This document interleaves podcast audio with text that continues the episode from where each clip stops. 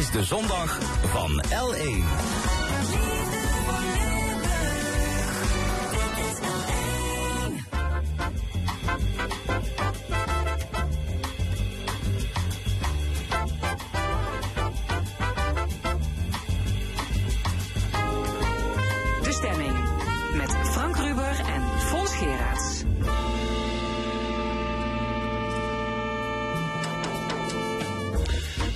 Bij de stemming. Wat gaan we de komende twee uur allemaal bespreken en met wie? Henk Smeijster schreef een boek vol levenslessen. Hoe word je een beter mens? CDA-statenlid Marcel Hanegraaf over de gevolgen voor burgers en bedrijven van het overvolle stroomnet. En onze filosofieanalist Kathleen Gabriels over technologie en onsterfelijkheid. En de Eerste Kamer die wordt steeds zichtbaarder. Denk aan de spreidingswet, de salderingsregeling en de steun aan Oekraïne. In het tweede uur praten we met twee Limburgse senatoren, Theo Bovens en Eugène Heijnen. En dan nog een column van Hugo Luiten en het panel discussieert over de gestegen verkeersboetes, het privacygevaar van videobellen en andere actuele zaken. Tot één uur is dit de stemming. Alweer krijgt de mens op zijn falie in het nieuwe boek van Henk Smeisters. De cultuurfilosoof Het Heerle blijft ageren tegen onze hebberigheid en gebrek aan deugdzaamheid. Hij waarschuwt dat ongebreideld consumeren de wereld linea recta naar de ondergang leidt. En dan is de mens ook nog te beroerd om zich geestelijk in te spannen. Om het tijd te keren schreef de schrijver in zijn boek een serie levenslessen met dank aan 19 moderne denkers. Aan tafel Henk Smeisters. Henk, goedemorgen. Goedemorgen. Is het ehm, jouw levensmissie? Mensen de ogen openen, ze in geweten schoppen. Eh gewetenschap, ja, ik zeg het allemaal wat minder radicaal dan het net eh, geïntroduceerd is. Maar ik ben inderdaad wel bezig. Hoe kunnen we ook door zelf iets te doen een betere wereld scheppen? Ja, want bijna al je boeken die gaan over de consumptiedrift van de mens, dat we onze levensstijl moeten veranderen. Ja, dat is een vorm van bekeerdrift. Eh, het gaat niet alleen over die consumptiedrift, het gaat ook over bildung, het gaat ook over deugdzaamheid, het gaat over heel veel dingen. Maar mijn vaste uitgangspunt is eigenlijk dat je hoort zo vaak van een betere wereld begint niet bij jezelf. En voor een deel is dat ook zo natuurlijk. Hè. Je moet systemen veranderen. Maar als je terugleest wat de voorzitter van de parlementaire enquêtecommissie eh, onlangs schreef, dat systemen gemaakt worden door mensen. En dat had ook de titel van mijn boek kunnen zijn. Want we kunnen wel altijd over systemen hebben. We kunnen ook altijd naar die systemen wijzen. En maatschappijstructuren, het kapitalisme, het neoliberalisme. En dat is ook terecht. Maar als wij daarin niet ook veranderen, verandert er uiteindelijk niks. Ja, want we zijn terechtgekomen, zeg je, in een klimaathel. Dat woord gebruik je letterlijk, klimaathel. Dus we stevenen af op een ecologische catastrofe en er ligt eigenlijk niemand wakker van. Eh, de klimaat, klimaathel is het woord van, dat Guterres gebruikte. En wat die klimaatcatastrofe, ik noem het nu wel de catastrofe betreft, heb je natuurlijk altijd mensen die zeggen, ja, we gaan de goede kant op. En je hebt mensen die zeggen van, ja, er komt helemaal niks van terecht, het is een apocalyps. Ik denk wel dat we ook de klimaatverandering of catastrofe niet fatsoenlijk kunnen aanpakken als we ons gedrag niet veranderen. Als we blijven consumeren, als we blijven grondstoffen gebruiken.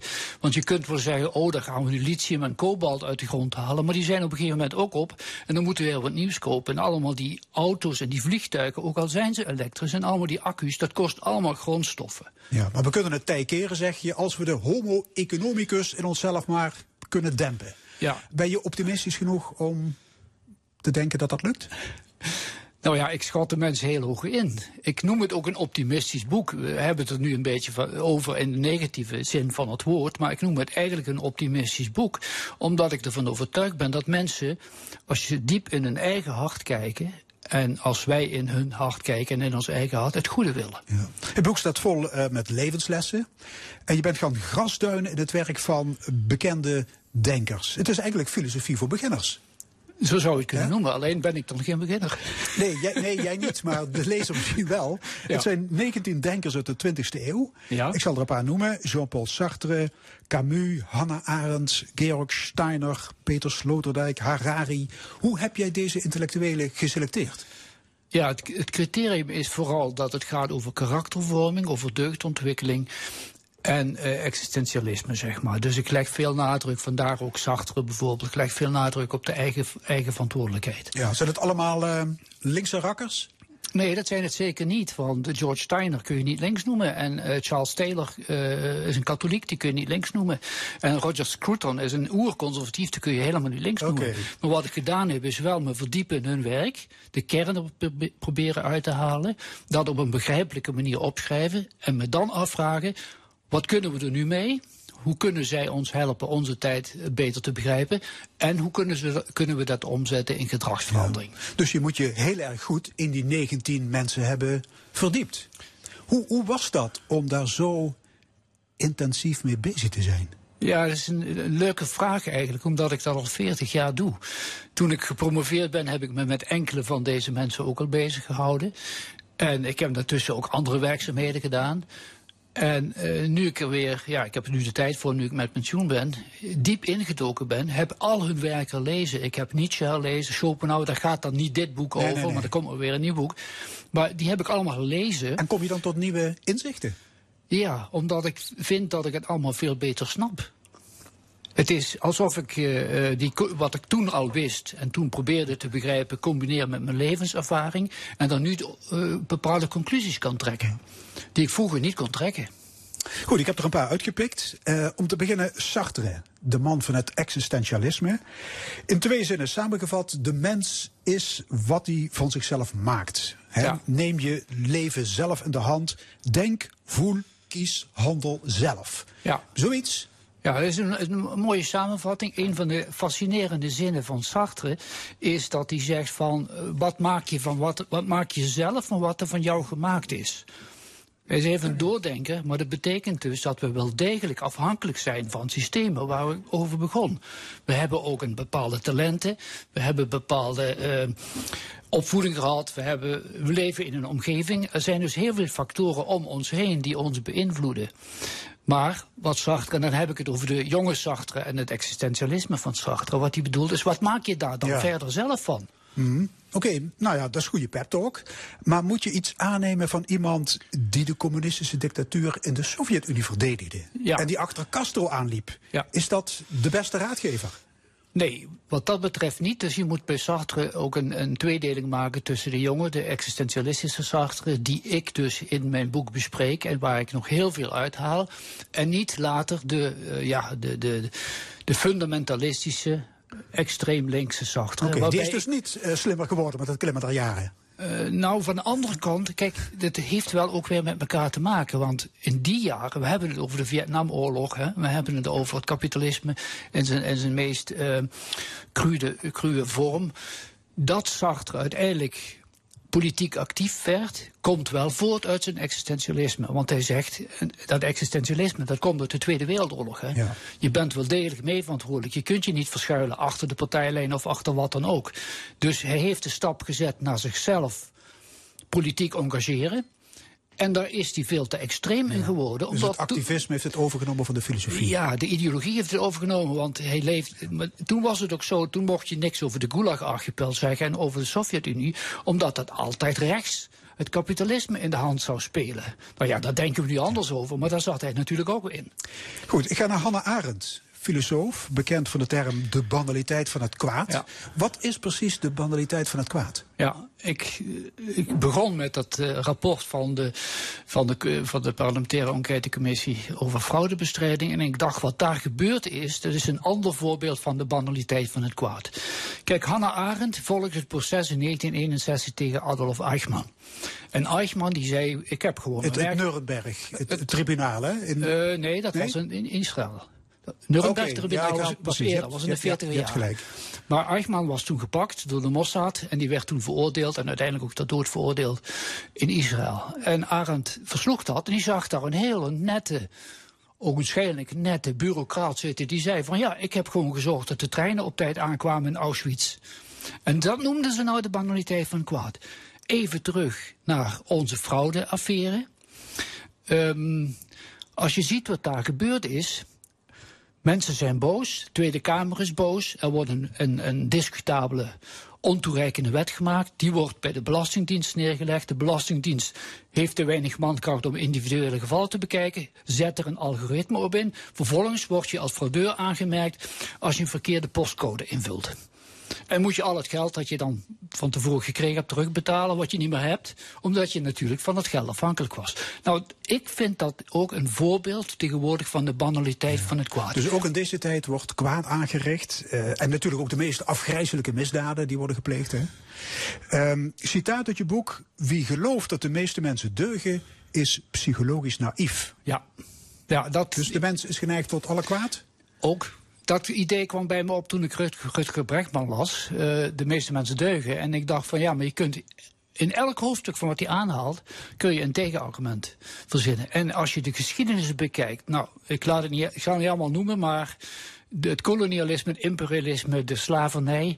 Alles wat er nu gebeurt in de Gazastrook, alles wat er gebeurt in Oekraïne, al het kwaad, de ellende, de, de vrouwen die verkracht worden, de mannen die overhoop worden geschoten, de kinderen die voor de ogen van de, van de moeder vermoord worden.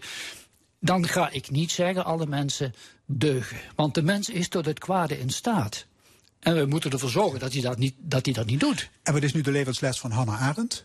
De levensles van Hannah Arendt is uh, dat je moet realiseren, moet nadenken of je niet ook door je best te doen meedoet aan de banaliteit van het kwaad. Of je niet ook een bureaucraat bent met, met oog, oogkleppen op en denkt van ja, uh, ik kijk niet om me heen.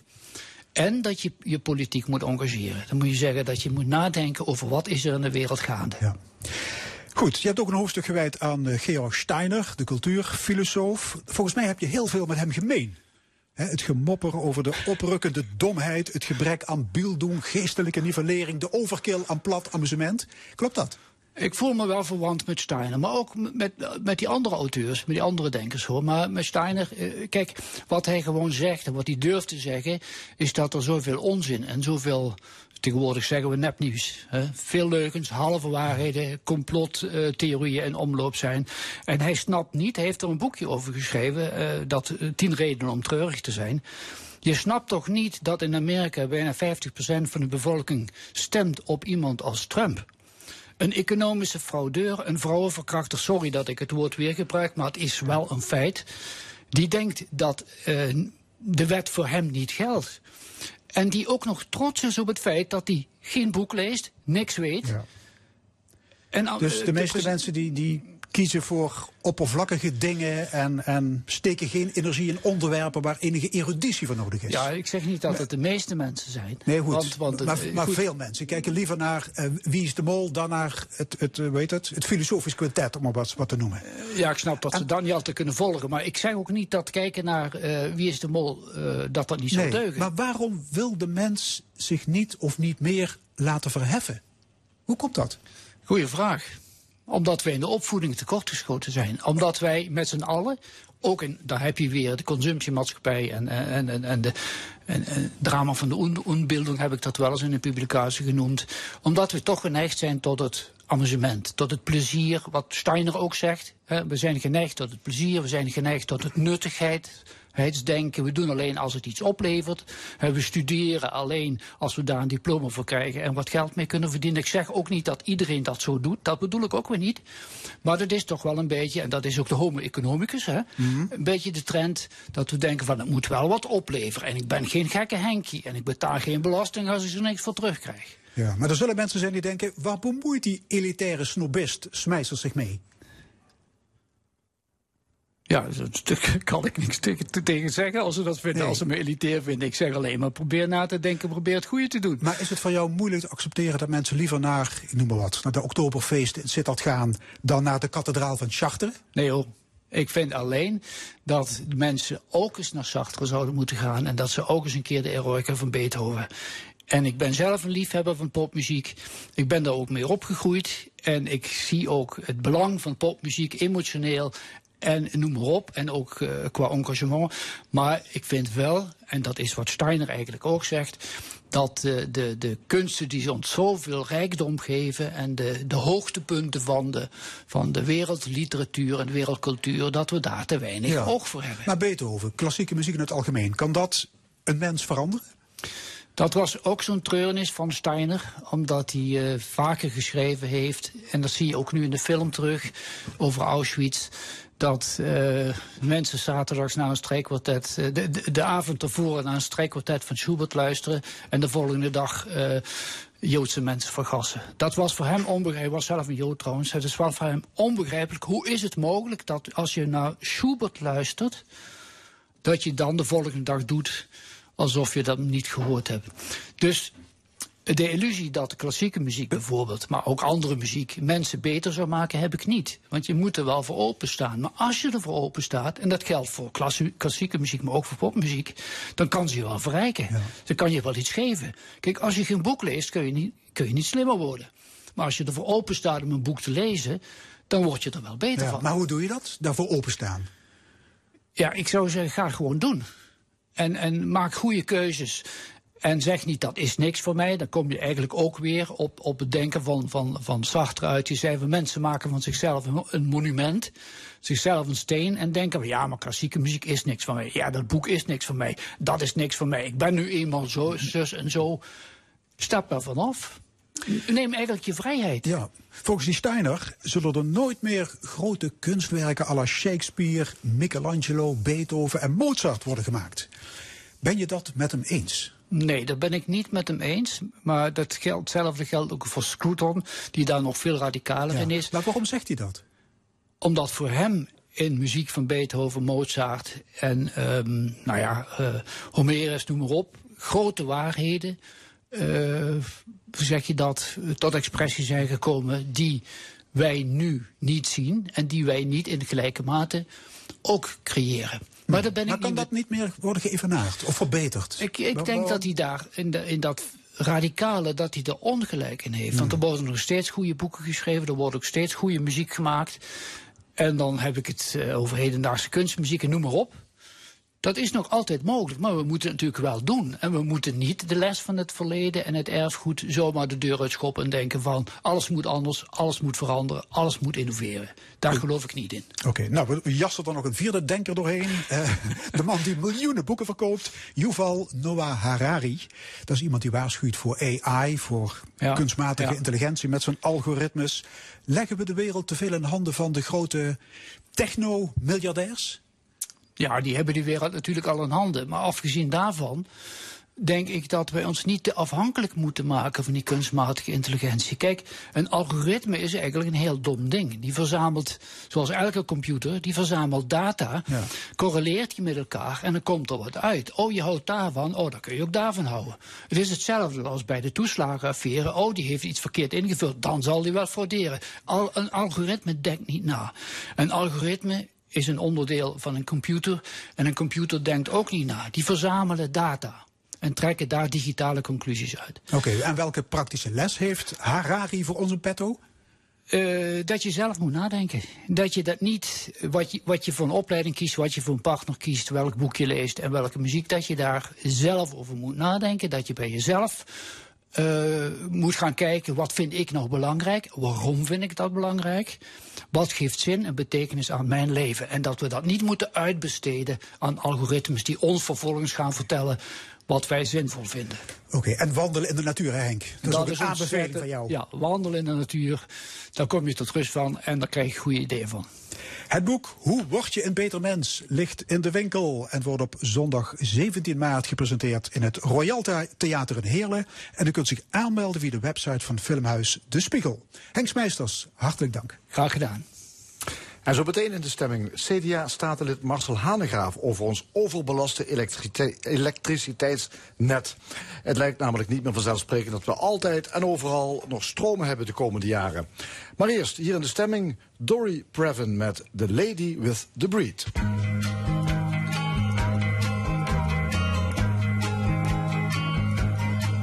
Would you care to stay till sunrise? It's completely your decision. It's just that going home is such a ride, such a ride. Going home is such a ride. Going home is such a ride. Going home is such a low and lonely ride. Would you hang your denim jacket near the poster by Picasso? Do you sleep on the left side or the right or the right.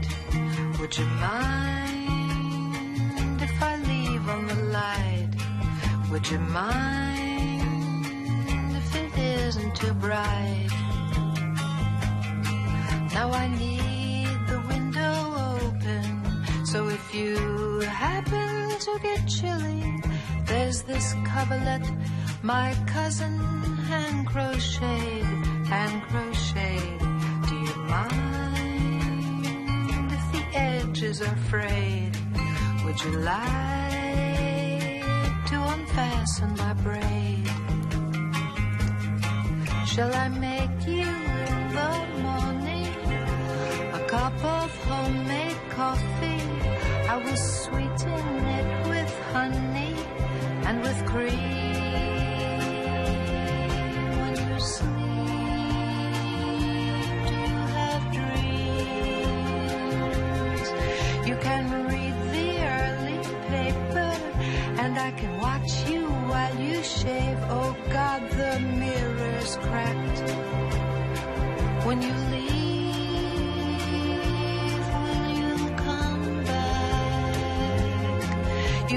have to answer that at all. The bathroom door is just across the hall. You'll find an extra towel on the rack on the paisley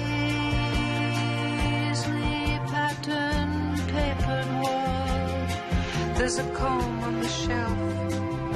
I papered that wall myself. That wall myself. Would you care to stay till sunrise? It's completely your decision. It's just the night cuts through me like a knife, like a knife. Would you care to stay a while and save my life? Would you care to stay a while and save my life? I don't know what made me say. I've got this funny sense of humor. You know I could not be downhearted if I tried, if I tried. It's just that going home is such a ride.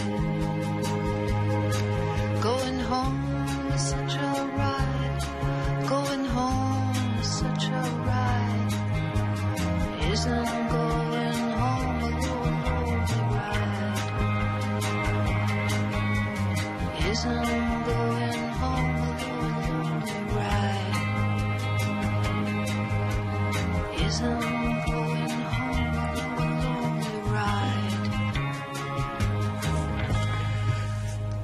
Dory Previn in de stemming van L1.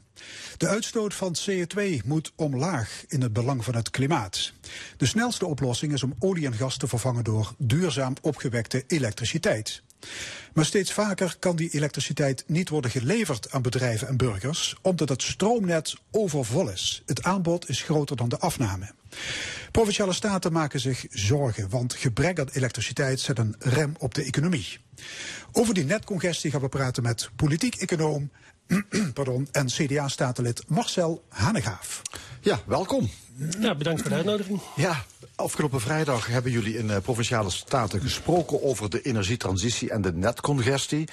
Um, dat zijn twee zaken die onlosmakelijk met elkaar verbonden zijn. Ja, dat klopt. Uh, dus aan de ene kant hebben we een grote uitdaging als het gaat om het halen van de, van de klimaatdoelen. Hè. Dus we hebben in Parijs hebben we een aantal afspraken gemaakt. Die zijn Europees vertaald in de Green Deal en ook uh, in de Nederlandse wet uiteindelijk verankerd. Hè. Dus we moeten een aantal doelstellingen halen. Uh, maar om die te halen moeten we echt een enorme um, slag gaan maken in hoe wij dus in onze energie, in energievoorziening eigenlijk um, vormgeven. Um, en dat, we, we zien eigenlijk dat dat nu tegen zijn grenzen aan begint te lopen al. Hè? Dus met name de overgang van fossiele energie, hè? dus bijvoorbeeld van gas naar, uh, naar elektriciteit.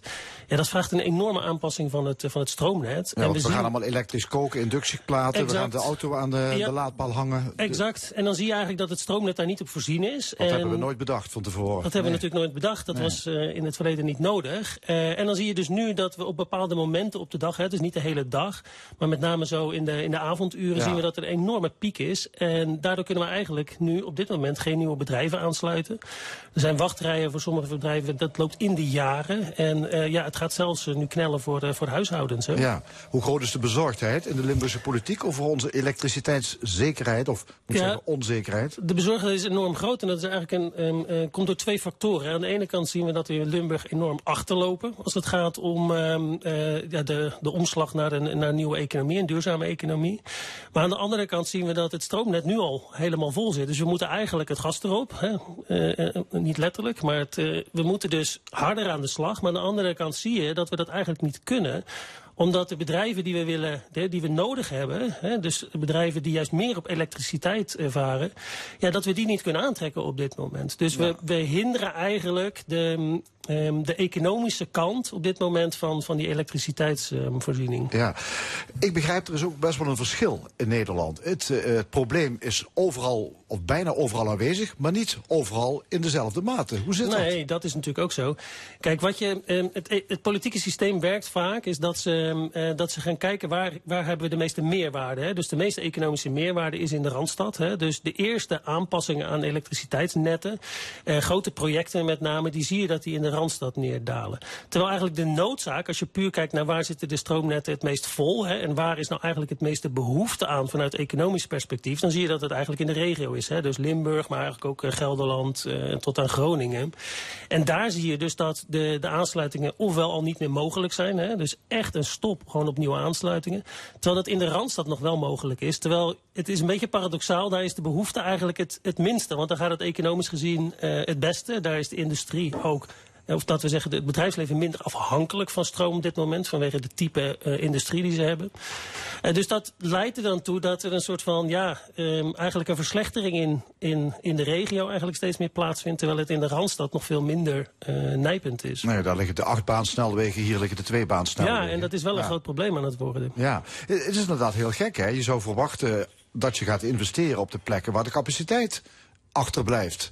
Maar dat Ja. zijn politieke beslissingen. Ja, dat is hetzelfde. Je moet het een beetje vergelijken met een, een buslijn. Hè? Kijk, als op een gegeven moment een buslijn ehm, tussen bepaalde dorpen loopt, maar eh, op een gegeven moment verdwijnt die, dan zie je dat mensen daar ook niet meer willen wonen. Hè?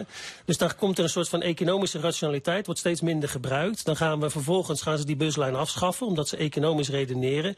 En dan vervolgens willen nog minder mensen in dat dorp wonen, waardoor je uiteindelijk helemaal ehm, het, het, ehm, Ah. het dorp vereenzamt. En dat is een beetje hetzelfde met, deze, met de logica van de, van de industrie. Hè. Ze kijken gewoon waar zit de grootste economische waarde, waar is de grootste nood aan, eh, aan grote investeringen. Ja, die is in, een, in de Randstad. En dan worden keuzes toch te makkelijk vaak gemaakt van, oh dan gaan we daar als eerste investeren. En dan kijken we wel hoe het eh, met de rest van Nederland eigenlijk het, het Ja. geval is. Welke gevolgen heeft het voor de economische ontwikkeling van Limburg? Is- zijn er inderdaad bedrijven die nu al afhaken zeggen van... ja, ik kom er niet, want ik kan daar niks Ja, die zijn, die zijn er dus nu al. En het is echt, ik denk dat het een, een van de meest onderschatte problemen is die wij in Limburg hebben. Omdat in Limburg is meer dan an- elke andere provincie afhankelijk van industrie. Hè. Dus wij hebben nog een relatief groot aandeel van industrie in, ehm, eh, in de toegevoegde waarde van Limburg.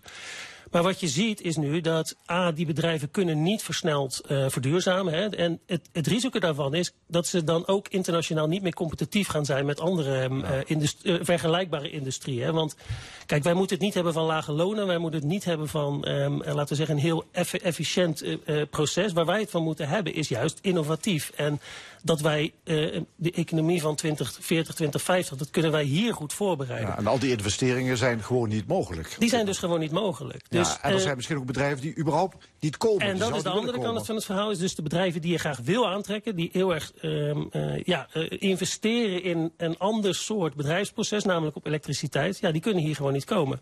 Ja, en een bedrijf is dan heel simpel. Als die onzekerheid te groot is. Dan gaan ze niet investeren. Dan komen ze niet naar Limburg. En dan gaan wij dus eigenlijk steeds verder achterlopen lopen op de rest van Nederland. Maar ook op andere regio's in Europa. Ja, je- En ik maak me daar echt grote zorgen Ja, over. je zou ook kunnen zeggen, ja weet je, eh, we hebben, er is geen werkgelegenheidsprobleem op dit moment. Dus als er geen nieuwe bedrijven bij komen, het maakt eigenlijk niet zoveel uit. We hebben al onze mensen aan het werk. Ja, maar, maar dat is een. Kijk, dan ga je op de korte termijn redeneren. En het, het, het probleem van eh, die arbeidsmarkt, dat is natuurlijk ook. Ja, dat is, dat is wel degelijk een probleem. Maar je moet natuurlijk wel zorgen dat de arbeidsproductiviteit wel omhoog gaat in de komende tijd. Hè. Om, juist omdat wij niet meer mensen aan het werk kunnen krijgen, moeten we zorgen dat de mensen die werken eigenlijk meer toegevoegde waarde per, ehm, ehm, eh, per, per, per uur hebben.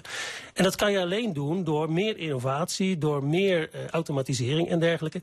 Maar juist die trend heeft die stroom nodig. Want dat zijn dus de, de type bedrijven die we voor de toekomst nodig hebben, die toekomstgericht werken, in 2040 nog een toegevoegde waarde hebben en een grote.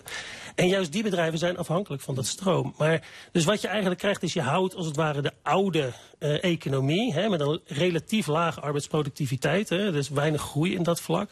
Terwijl wat je wil is je wil naar een industrie toe die een hoge arbeidsproductiviteit heeft. En dat soort bedrijven wil je aantrekken. En dat gebeurt op dit moment ja, ver onvoldoende, om het zo maar te Het is zeggen. een economisch probleem. Onze energietransitie schiet niet op op deze manier. Nee. Maar we komen ook maatschappelijk in de knel, omdat er gewoon ja, misschien ook jongeren wegtrekken hierdoor. Ja, dat zie je eigenlijk al. Hè. Dus ga maar eens naar vacaturebanken. Als je kijkt naar wat, ehm, ehm, wat voor type banen hier van hoogopgeleiden eh, worden aangeboden, is dat relatief beperkt ten opzichte van, eh, van de rest van Nederland.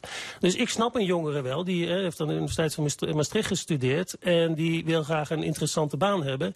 Ja, die zijn hier gewoon veel minder voor dit, ehm, eh, voor de, voor dit opleidingsniveau dan, laten we zeggen, in de Randstad. Ja, en dan krijg je weer datzelfde effect. Hè, is dat omdat dan ook een gebrek aan dat soort mensen is, hè, die trekken weg, dan zie je dat die bedrijven eigenlijk ook weer gaan volgen. En die trekken dan ook richting Amsterdam Ja. of Rotterdam of eh, Utrecht. Ja. Ja, en we moeten die spiraal echt gaan doorbreken. Want anders, ja, ik, vind die vergelijking is, is, is hè, soms misschien wat flauw om te maken. Maar ik vind hem niet unfair. Is toch wel, kijk naar wat de effecten zijn geweest van de sluiting van de mijnen. Dat werkt nog steeds door. Als je kijkt naar de gezondheids, ehm, de sociale ehm, eh, situatie in Zuid-Limburg. Ja, we moeten er echt voor zorgen dat wij niet in Limburg het slachtoffer worden van deze transitie naar een duurzame economie. Ja, toch, toch lijken er ook wel lichtpuntjes. Hè? Eh, bijvoorbeeld deze week besloot, eh we maakte isolatiemateriaalfabrikant Rockwool en Roermond bekend dat ze geloof ik, van de drie productielijnen er twee gaan elektrificeren. Ja. Dus ik denk dan, hoe is dat mogelijk? Is, is er dan Ja. toch nog ruimte op het net? Hoe Nee, dat? maar dat is, er is nog wel hier en daar ruimte. Dus het is nog niet zo dat alles wordt afgesloten. Maar we zien eigenlijk dat er nu keuzes gemaakt moeten worden. Eh, en maar die keuzes mag jij als overheid niet maken. Enkel en alleen op het type ehm, ehm, ehm, economie dat, dat er wordt aangericht. Hè. Er zijn andere, dat, dat heeft puur... Je mag niet op e- eh, sociaal-economische factoren Ja. sturen als overheid. Op Dit, dat is- dit is een lichtpuntje ergens, maar dat zegt niks over het Exact. geheel. Je moet dat echt zien als een druppel op een gloeiende plaat. Als wij niet keiharde stappen gaan maken de komende tijd... dan voorzie ik echt grote problemen in de toekomst. Ehm, En zeker voor Limburg. Ik, ik vroeg me wel af, is, er- is er ook niet sprake van een vertekend beeld? Want er zijn heel veel bedrijven die melden zich nu al aan uit voorzorg. Hè, die denken van, ik ga alvast in de rij staan voor extra capaciteit op het elektriciteitsnet. Want ja, inderdaad, je hebt een wachtlijst van jaren. Dus misschien is het beeld wel vertekend, hè, dat er meer vragen... s- Nee, want dit is op zichzelf namelijk ook een groot probleem. Hè. Want wat ga je dan krijgen? Wat je, je wil namelijk niet een, ehm, een economisch systeem hebben wat vast ligt. Laten we zeggen dat we in zes jaar een, een, dat gebaseerd is op die wachtlijsten van bedrijven die er nu al zijn. Je wil een flexibele economische situatie hebben waarin nieuwe innovatieve bedrijven eigenlijk Limburg zien als een kans om zich daar te ontwikkelen. Ja, en daar zijn zeker redenen voor. Hè. We hebben op zich een hele goede infrastructuur. We hebben een universiteit die fantastisch presteert.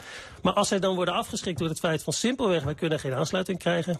Alleen, alleen een wachtlijst is al eh, niet, eh, niet gunstig. Nee, want dat, nee, precies. Want dan, dat zijn toch de oudere bedrijven die zich daarvan aanmelden. Die en voor een nieuw bedrijf, Ja. ja, dat, dat Ja, het probleem dat, dat zijn de bedrijven, maar ook voor burgers kan dit eh, gevolgen gaan hebben. Hè? Ons overbelaste elektriciteitsnet. Dus Zeker. afgelopen week, of vorige week, was er al het bericht dat er, eh, dat was wel elders in het land, dat er elektriciteitsmaatschappijen zijn die zeggen we willen de laadpalen, de openbare laadpalen voor Ja. auto's, tussen vier en negen eh, s middags en s- negen s'avonds afsluiten. Ehm, terugleveren van elektriciteit van je zonnepanelen is een probleem. Ja. Eh, als die burger niet meer ja, vanzelfsprekend elektriciteit kan gebruiken of terugleveren, wat voor gevolgen kan dat hebben? Ja, ik, eh, de, de gevolgen daarvan zijn natuurlijk groot voor die individuele burgers. Hè, omdat je, dat is, eh, elektriciteit was natuurlijk een soort van vanzelfsprekendheid. En nu kom je in een situatie dat dat niet zo is. Maar toch denk ik niet dat dat een, groot probleem hoeft te zijn. Want we moeten altijd in de gaten houden dat ehm, de duurzaamheid dat werkt in fases. Hè. Dus je hebt de- uiteindelijk in 2040, dan zouden we een, een, een, een goed systeem moeten hebben wat functioneert en wat ingericht is op die nieuwe ehm, laten we zeggen, eh, energievoorziening. En we moeten nu een fase door waarin we daar naartoe moeten werken. En daar moeten we harde keuzes in maken. En daarom denk ik dat, kijk, het is vervelend als je niet meteen je auto kan opladen tussen, tussen 6 en, en 9, om het zo maar te zeggen. Maar het is ook niet het einde van de wereld. Hè? Want de meeste mensen gaan niet op dat moment eh, eh, laden. Ehm, je kan ook gewoon s'nachts laden. Als wij dat soort maatregelen nodig hebben om uiteindelijk ervoor te zorgen dat we wel economisch competitief blijven, hè, dat we niet allemaal bedrijven naar het buitenland hoeven te jagen, dan denk ik dat dat het wel waard is. En hetzelfde geldt met die salderingsregeling. Ik snap het, hè, als je net, ik heb zelf net zonnepanelen aange, aangeschaft en het is natuurlijk vervelend als je dan uiteindelijk um, uh, ja, de, de, de terugverdientijd langer wordt. Ja. Maar Gaat dat niet ja, funest werken voor het vertrouwen van die burger? Dat is het natuurlijk, in die, hè? In, in, in, die, in de transitie? Exact, maar daar vind ik dus ook echt een taak voor politici. Ik vind dat ze, dat ze onvoldoende aan burgers uitleggen... wat eigenlijk die noodzaak is van deze, van deze zaken. Want ik, kijk, ze willen dat natuurlijk ook niet. Hè? Want ze willen natuurlijk niet zeggen dat die economische consequenties... die zijn echt levens, levens groot. Maar dat zijn natuurlijk be niet beelden die politici graag naar buiten willen brengen. Hè? Dat, uh, dus ik begrijp die logica wel, maar uiteindelijk vind ik het wel de verantwoordelijkheid van een politicus om die harde keuzes ook te durven uitleggen aan burgers. Of in ieder geval voor te leggen wat dan de alternatieven zijn. Hè? Ja, want Kijk, uiteindelijk... kun je je voorstellen dat het vertrouwen van de burger in politiek en overheid ja. niet toeneemt als je ja, in, zo simpelweg geen elektriciteit hebt op nee, een bepaald exact. tijdstip. Maar aan de andere kant neemt het vertrouwen in de politiek ook niet toe als uiteindelijk wij niet kunnen leveren hè, als politici en uiteindelijk alle goede bedrijven het land uitjagen. Dat vind ik ook niet uh, goed voor het vertrouwen. Dus je moet dus, een eerlijk verhaal vertellen uh, naar die burger? Dat mis ik soms wel in de politiek. Uiteindelijk is politiek gewoon harde keuzes maken. Alleen je moet het goed uitleggen aan burgers. En ik heb wel vertrouwen dat als jij eerlijk bent naar burgers... en gewoon het eerlijke verhaal vertelt en hun eigenlijk voorlegt... oké, okay, dit zijn de scenario's, kies maar... Um, dat zij ook wel bereid zijn om die, om die harde keuzes te maken.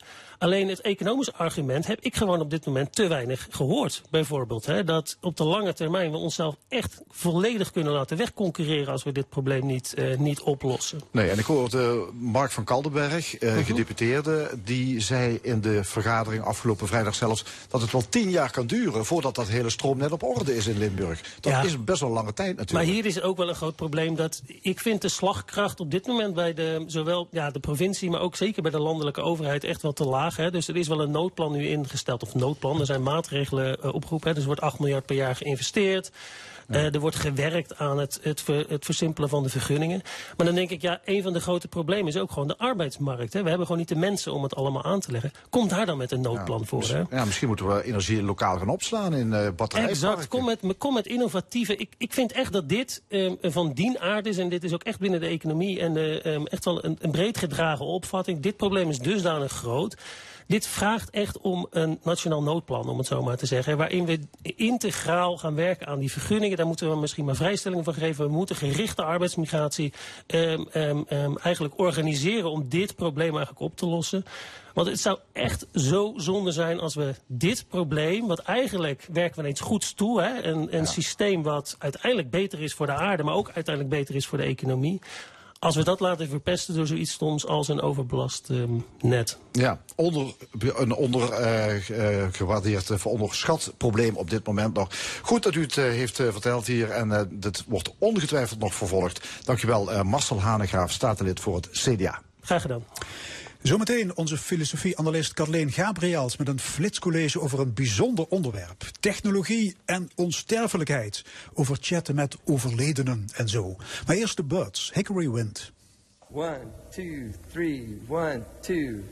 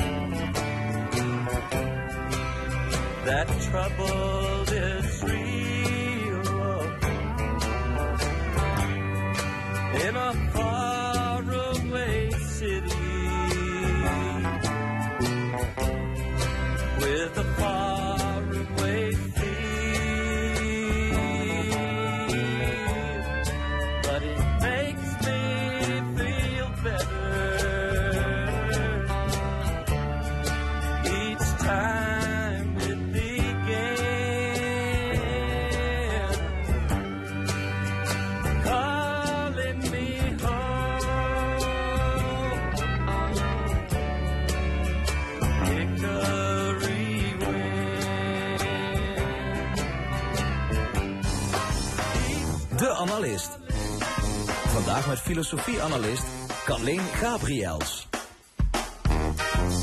Ja, goedemorgen Kathleen. Goedemorgen. Ja, kunstmatige intelligen- intelligentie, oh dat is een moeilijk woord, hè, zal ons leven op heel veel manieren veranderen. Ehm, dat zullen veel mensen zich wel realiseren, maar wat misschien verrassender is, kunstmatige intelligentie verandert ook de dood. Althans, onze omgang met de dood. Daar gaan we het over hebben. Ja. Eh, heel verrassend. Eh, want eh, ja, interactief praten met een overleefde, overleden geliefde, dat is eigenlijk al mogelijk, hè?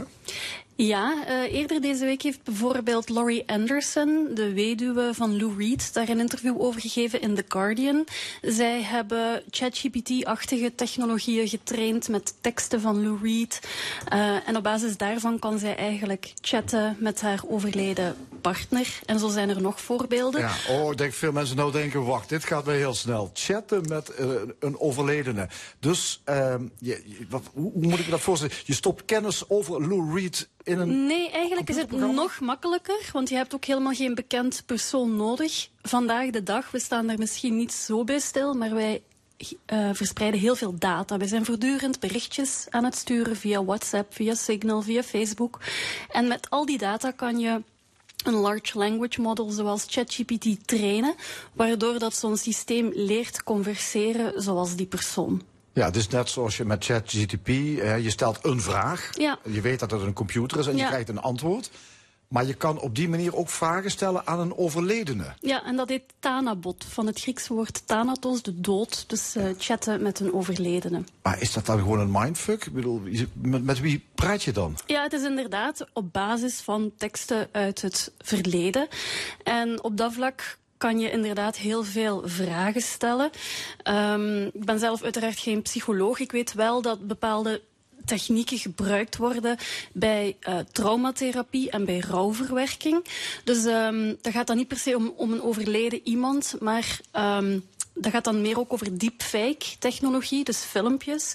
Eh, in, ook in Nederland gebeurt daar onderzoek over. Bijvoorbeeld iemand die een zwaar trauma te verwerken heeft, die praat dan met de zogenaamde dader. Eh, maar die dader die zit er natuurlijk niet echt achter. Die dader kan ook overleden zijn. Dus daar zit een therapeut achter die ehm, eigenlijk in gesprek gaat met het slachtoffer. En ja, dat is natuurlijk nog allemaal heel experimenteel. Maar dan kruipt een therapeut in de rol. Ja, inderdaad. een- ja. en er is ook een, eh, een, een vrij recente documentaire van Tudok, waar dat eh overle- nabestaanden van ehm, eh, dierbare overledenen in gesprek treden. Bijvoorbeeld een weduwe die dan met haar eh, voormalige partner of eh, ouders met hun kind, overleden kind, in gesprek gaan. En dat wordt dan ook begeleid. Ja, je weet dat je voor de gek gehouden wordt toch Je eigenlijk? weet, dus ook in die documentaire noemt een van de nabestaanden dat ook echt een, een mindfuck. Want je weet dat het niet echt is. En tegelijkertijd zit je toch in het gesprek omdat je ergens toch die herinnering levend wilt houden. Iemand anders schiet eerder in de lach en zegt van ja, de echte persoon was beter, want het blijft een substituut. Maar goed, dus dit is allemaal in het kader van ehm, ja, psychologie, traumaverwerking, rouwverwerking. Maar, maar er zijn toch ook Maar- mensen die gaan naar een concert van Elvis Presley bijvoorbeeld. Ja. Nou, die kun je ook oproepen. Abba. Hè? Eh, maar die leven Ja, nog. die leven nog. Ehm, Ja, inderdaad. Bij America's Got Talent hebben ze Elvis Presley zo tot leven gewekt Ja. met deepfake-technologie. In België, ik weet niet in hoeverre... Jean-Luc Dehaene, Ja, hè? Jean-Luc Dehaene, de oud-premier, daar was heel veel rond te doen. Want eh, de politieke partij CD&V heeft met deepfake-technologie die een soort van campagnefilmpje laten inspreken. Zowel bij Elvis eh, als bij Jean-Luc Dehaene hebben de nabestaanden wel toestemming gegeven. Tegelijkertijd Tegelijkertijd kan je daar toch een aantal vragen over stellen. Niet in het minst over privacy, hè, van we moeten de doden eh, met Ja, rust laten. privacy, respect. Respect, eh, het ligt er natuurlijk ook echt aan. Hè. Ik denk in het geval van een politieke campagne zit je toch al eh, in een ander vaarwater. Ja, bij Elvis gaat het dan puur om entertainment. Ehm, of misschien ook voor een stukje om te tonen hoe ver de technologie al Ja, staat. maar de vraag is of Jean-Luc Dehane eh, of een andere politicus... of die wel zegt wat hij had willen zeggen tijdens zijn kan, leven. Ja, je dus- kan in een deepfake video iemand iets laten zeggen waar je geen controle over hebt. Dus inderdaad, die technologie is nu ook nog niet... Ik, ben- ik heb natuurlijk ook geen juridische achtergrond, maar het is duidelijk dat daar ook een aantal vragen liggen. Maar eigenlijk, ehm, want dit zijn nu denken de mensen thuis misschien van dit is een beetje ver gezocht. Maar als je gaat kijken naar bijvoorbeeld sociale media, die hebben onze vormen van herinneren, rouwverwerking ook veranderd. Bijvoorbeeld, eh, je kan van een overleden dierbare een herdenkingsstatus aanvragen op een Facebookpagina. Je kan trouwens zelf ook al, veel, weinig mensen doen dat, maar ja, wij laten heel veel na achter onze, na onze dood. Dus je kan dat ook al zelf regelen. Je kan nu al regelen wat er dan met je Facebookpagina, je Instagram-pagina moet gebeuren. Ehm, maar we hebben bijvoorbeeld ook in Nederland al eh, grafstenen met QR-codes. Dus bezoekers van het graf eh, kunnen die QR-code inscannen met een smartphone. En daar kan je eventueel zelf ook de regie in handen nemen. Je kan je eigen levensverhaal eh, daar delen of je Spotify-lijst. Of je nabestaanden kunnen dat doen. Maar ook daarvan kan je Ja, zeggen, kun je dit wil ik dansen niet. op het graf van een overledene. Wel, dat, dat, Op daar, zijn, ook, daar zullen ongetwijfeld ook ja. ethische vragen over Ja. te stellen zijn. Maar je kan ook zeggen, kijk, dit wil ik helemaal niet. Eh, je kan ook eh, tegenwoordig als een hologram op je eigen eh, begrafenis het Ja. publiek toespreken. Ja, het gebeurt. Ja, die, je hebt ook een app, Here, Ja. Hereafter. Wat is dat? Ja, dat is een app, eh, een Amerikaanse app. En daar kan je eigenlijk ook de regie voor na je dood in handen nemen. Eh, bijvoorbeeld als je grootouder bent en eh, dan kan je een aantal vragen inspreken. Bijvoorbeeld, wie was je eerste liefde? Of hoe is het om te leven in 2024? En dan spreek je dat allemaal in. En dan na jouw overlijden hebben nabestaanden daar toegang in en spreek je hen eigenlijk op die manier toe. Dus dat is eigenlijk wel leuk, hè? Dan kun je met je grootouder van, van ho- 100 jaar geleden... of je bed, bed Ja. grootvader van 100 jaar geleden... kun je kijken hoe zij of hij leefde. Ja, dus daar kan je inderdaad, dat is ook een nieuwe vorm. Kijk, wij eh, hebben ook op een bepaald moment videocamera's in huis gehaald. Hè. Dus op dat, op dat moment konden we mensen visueel herinneren. We hebben foto's. Dus je moet dit ook echt zien als een verdere stap die weliswaar heel veel vragen eh, oproept. Eh, maar ik denk dat het vooral belangrijk is om er toch bij stil te staan van... eh, kijk, dat, dat klinkt nu nog heel ver gezocht, maar als je niet wil dat je nabestaanden met jou chatten, kan je bijvoorbeeld ook duidelijk zeggen, kijk, al die berichten die ik ooit gestuurd heb, die moeten ver- verwijderd worden. Ja. Ehm, wat misschien nog verder gaat, dat is eigenlijk een zoektocht naar ja, die al zo oud is als de, mens, de mensheid. Ehm, om ja, het, eh, je stervensproces eh, gewoon eh, niet te aanvaarden. Te zeggen, ik wil eh, e- eeuwig Het voortleven. eeuwige leven, ja. Eh, en er zijn al mensen die kijken of het mogelijk is om ons brein te, downloaden. Ja. Op een chip, dat je brein verder leeft. Ja, dat is ook niet zo nieuw. Ik denk dat het. Kijk, daar zitten hele fundamentele filosofische vragen achter natuurlijk. Hè. Ik denk dat, eh Kikero zei het al eh, voor onze jaartelling, filosoferen is leren sterven. We moeten onze dood aanvaarden en je voorbereiden op de dood is je voorbereiden op vrijheid. Tegelijkertijd maakt ja, die sterfelijkheid het ook wel een beetje op, absurd natuurlijk. Als je geluk hebt, passeer je 80 jaar en daarna eh, houdt het op. Dus dat mensen eh, technologie aanwenden om die dood misschien zo lang mogelijk uit te stellen, is niet vreemd. We leven ook al een stuk langer dankzij technologie en wetenschap. Maar je hebt inderdaad een groep mensen binnen het transhumanisme die gaan nakijken van of die gaan onderzoeken in hoeverre zijn wij ook machines, in hoeverre kunnen onze gedachten gedownload worden op een zogenaamde mindfile. En ons lichaam zal wel afsterven, maar ja, die chip kan dan verder leven op een robotlichaam. En dat leidt tot fantastische, fascinerende vragen. Want stel dat jij, als dat mogelijk is, dat die mindfile in verschillende lichamen wordt geplant. Hoeveel ikken van jou eh, bestaan er dan? Dus daar binnen de filosofie eh, worden daar ook wel vragen over gesteld. Uiteraard tot op heden is dat niet mogelijk. Uh, mensen zijn daar wel uh, onderzoeksmatig mee bezig. Tegelijkertijd uh, wordt over het transhumanisme ook wel gezegd dat het een vorm is van religie. Want wat doen zij? Zij willen ook een leven na de dood beloven. Ja. Um, maar ja, het is heel fascinerend. Je hebt ook natuurlijk mensen, dat bestaat ook al langer, die zichzelf laten invriezen in de hoop dat ze, dus na hun dood laten invriezen, ja. in de hoop dat ze op een dag ontdooid wakker mogen worden. Ja, je kunt, ja je, maar je kunt je ook afvragen, het, is ook een manier om het rouwproces misschien uit te stellen, te ontlopen zelfs. Dus ja, je, doet, doet, het je goed als mens? Het, uh, kijk, als je, uh, nogmaals, ik heb, ik heb geen achtergrond in de psychologie, maar je zou kunnen zeggen, iemand die de eigen dood echt niet aanvaardt, niet in de ogen wil kijken, die gaat dan misschien ook niet met de dierbaren nog praten en misschien nog een belangrijk gesprek uh, voeren voor het, voor het overlijden. Of inderdaad, dat is nu nog een, nog een open vraag. Um, een aantal van die onderzoeken leiden tot vragen van, ja, gaat het, uh, ja, je moet ook op een bepaald moment aanvaarden dat iemand is overleden. En in hoeverre is het dan gezond om te blijven praten met iemand? Ik denk dat we het daarbij laten voorlopig. Dankjewel, Kathleen Gabriels. Graag gedaan. Straks gaan we het hebben in de stemming over de toegenomen invloed van de Eerste Kamer. Bij ons twee Limburgse senatoren van CDA en BBB. Theo Bovens en Eugène Heijnen. Verder de column, het discussiepanel en nog veel meer. Blijf luisteren. Tot zometeen.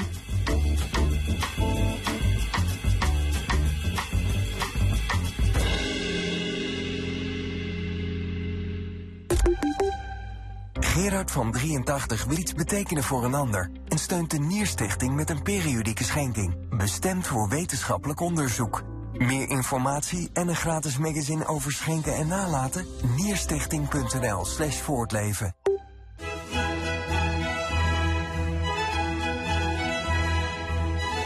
Blijf genieten van mooie muziek. Doe mee met de Maand van het Gezond Gehoor van Beter Horen. Boek nu een gratis hoorcheck op beterhoren.nl. Er staan files op de volgende waterwegen. Voor de sluis in Vinkenveen ligt een opstopping van 11 luxe jachten. Ook is er langzaam varen tot stilliggend jachtverkeer ja, op de Veen. je komt steeds meer Lotto-miljonairs tegen. Want Lotto heeft de vaakst spannende jackpot in Nederland. En voor 2 euro speel je al mee. Spel van Nederlandse Loterij. Speel bewust 18+. Plus. Dit is het moment. De spaarrente staat sinds tijden niet zo hoog. Bij Leaseplanbank krijg je nu 3,3% rente op een deposito van 2 jaar. Profiteer nu van het moment. Leaseplanbank. Alle aandacht voor sparen.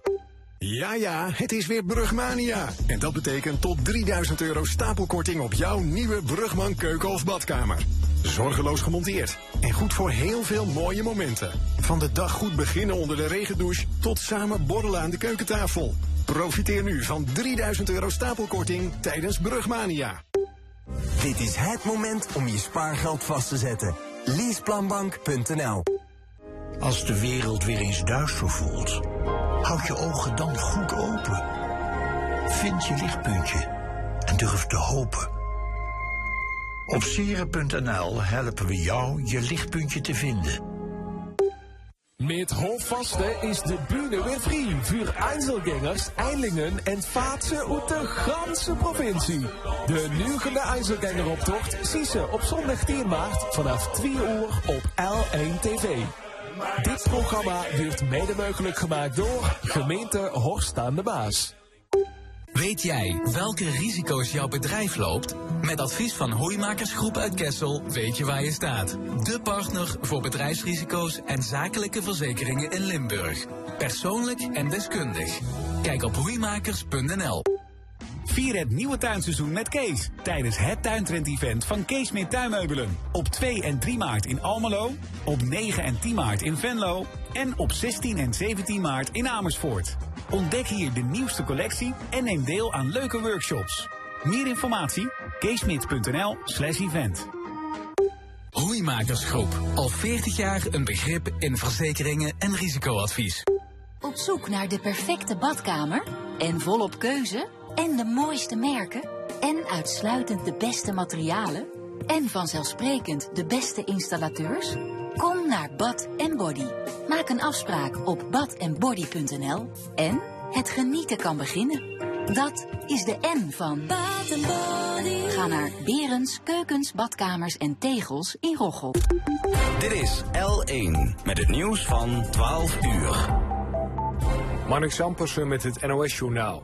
De twee mannen die vanochtend zijn aangehouden bij een grote politieactie in Berlijn... zijn niet de twee RAF-terroristen die worden gezocht. Dat zegt de politie. De twee terroristen zijn al tientallen jaren voortvluchtig. De extreemlinkse terreurgroep Rote Armee-fractie pleegde in de jaren 70, 80 en 90 in Duitsland bomaanslagen en politieke moorden. Deze week werd in Berlijn een andere RAF-terrorist opgepakt. Zij leefde onder een valse naam. Het gevaar van bosbranden is in Nederland een blinde vlek, zeggen de Wageningen Universiteit en het Nederlands Instituut Publieke Veiligheid. Met drogere en hetere lentes en zomers is het wachten op een ramp, zeggen de onderzoekers. Ze hebben een overzicht gemaakt van natuurbranden en daaruit blijkt dat er in Nederland de afgelopen jaren meer dan 3500 vooral kleine branden waren. Bijna al die branden ontstaan door menselijk handelen. Het ministerie kijkt of er een expertisecentrum over natuurbranden moet komen. Bij een aanval op drie dorpen in Burkina Faso zijn volgens de autoriteiten een week geleden 170 mensen gedood. De dorpen in het noorden van het land werden aangevallen door milities. Wie erachter zit is niet bekend. De autoriteiten doen onderzoek. Burkina Faso heeft al jaren te maken met geweld van groeperingen... die banden hebben met Al-Qaeda en Islamitische Staat. In Cairo wordt vandaag naar verwachting weer verder gepraat over een gevechtspauze in de Gazastrook. Een delegatie van Hamas zou inmiddels in de Egyptische hoofdstad zijn aangekomen. Er wordt ook een afvaardiging uit Israël verwacht. Het doel is om een staakt het vuren voor elkaar te krijgen voor de Ramadan, die over een week begint. Het weer. Zonnig en droog. Alleen in het zuidwesten is er kans op wat regen. Het wordt maximaal 16 graden. Morgen vrijwel overal droog en 9 tot 13 graden. Dit was het NOS Journaal. Vloerverwarming binnen één dag voor ieder huis of project? Dat kan. Ga snel naar warp-systems.nl en ontvang binnen één werkdag je offerte. De toekomst is groen. Warpgroen. Warp met W-A-R-P. De 71-jarige Jan wil iets betekenen voor een ander en heeft de Nierstichting opgenomen in zijn testament om nierpatiënten een betere toekomst te geven. Meer informatie en een gratis magazine over schenken en nalaten? Nierstichting.nl/slash voortleven. Zelf vloerverwarming aanleggen? Ga snel naar warp-systems.nl. Wat was voor jou de mooiste, beste of meest ontroerende reclamespot van afgelopen jaar? De 10 finalisten van de Ster Gouden Lookie zijn weer bekend. Stem op jouw favoriete commercials op stergoudenlookie.nl. Gelderland levert je mooie streken. Kom naar de Achterhoek. Je vindt hier prachtige musea vol verrassende cultuurhistorie en beeldende kunst van bijzondere grootmeesters. Kijk op museaachterhoek.nl. Stem op jouw favoriete commercials op stergoudenlookie.nl. Deze week bij Aldi nergens goedkoper. Bloedsinaasappels 1 kilo voor slechts 1,19. Altijd voordelig, dagelijks vers. Tuurlijk wel. Aldi. Kijk voor de voorwaarden op aldi.nl slash nergens goedkoper. Knibbel, knabbel, knuisje. Wie knabbelt er nou een huisje? De Belastingdienst. Want jaarlijks betalen ruim 2 miljoen mensen te veel WOZ-belasting. Dus u misschien ook? Doe nu de gratis WOZ-check. 1 minuut van uw tijd kan u zomaar 300 euro opleveren. Ga naar eerlijkewoz.nl. Ouder worden doe je samen. Wil jij vanuit jouw expertise een waardevolle bijdrage leveren aan een fijne dag voor ouderen? In het verpleeghuis of onze thuiszorg?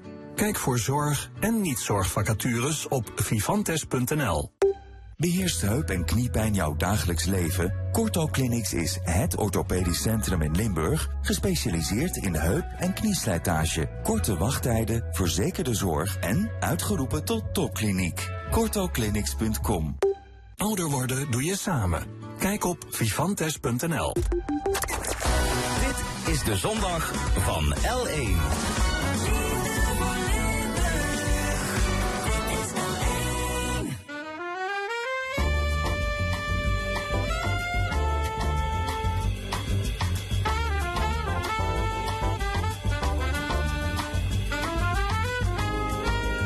De stemming met Frank Ruber en Fons Geraerts. Op Opnieuw welkom bij De Stemming, het interview- en discussieprogramma van L1 Radio. Wat allemaal in dit tweede uur. Straks discussieert het discussiepanel met Monique Parre, Armo Leenaars en Luc Wienans over de vraag of deurbellen met camera de privacy schenden. Een column van schrijver Hugo Luiten, maar eerst de Eerste Kamer. Die Eerste Kamer die wordt steeds zichtbaarder. En dat komt doordat veel kiezers, kiezers op drift zijn geraakt en vaak van partij wisselen.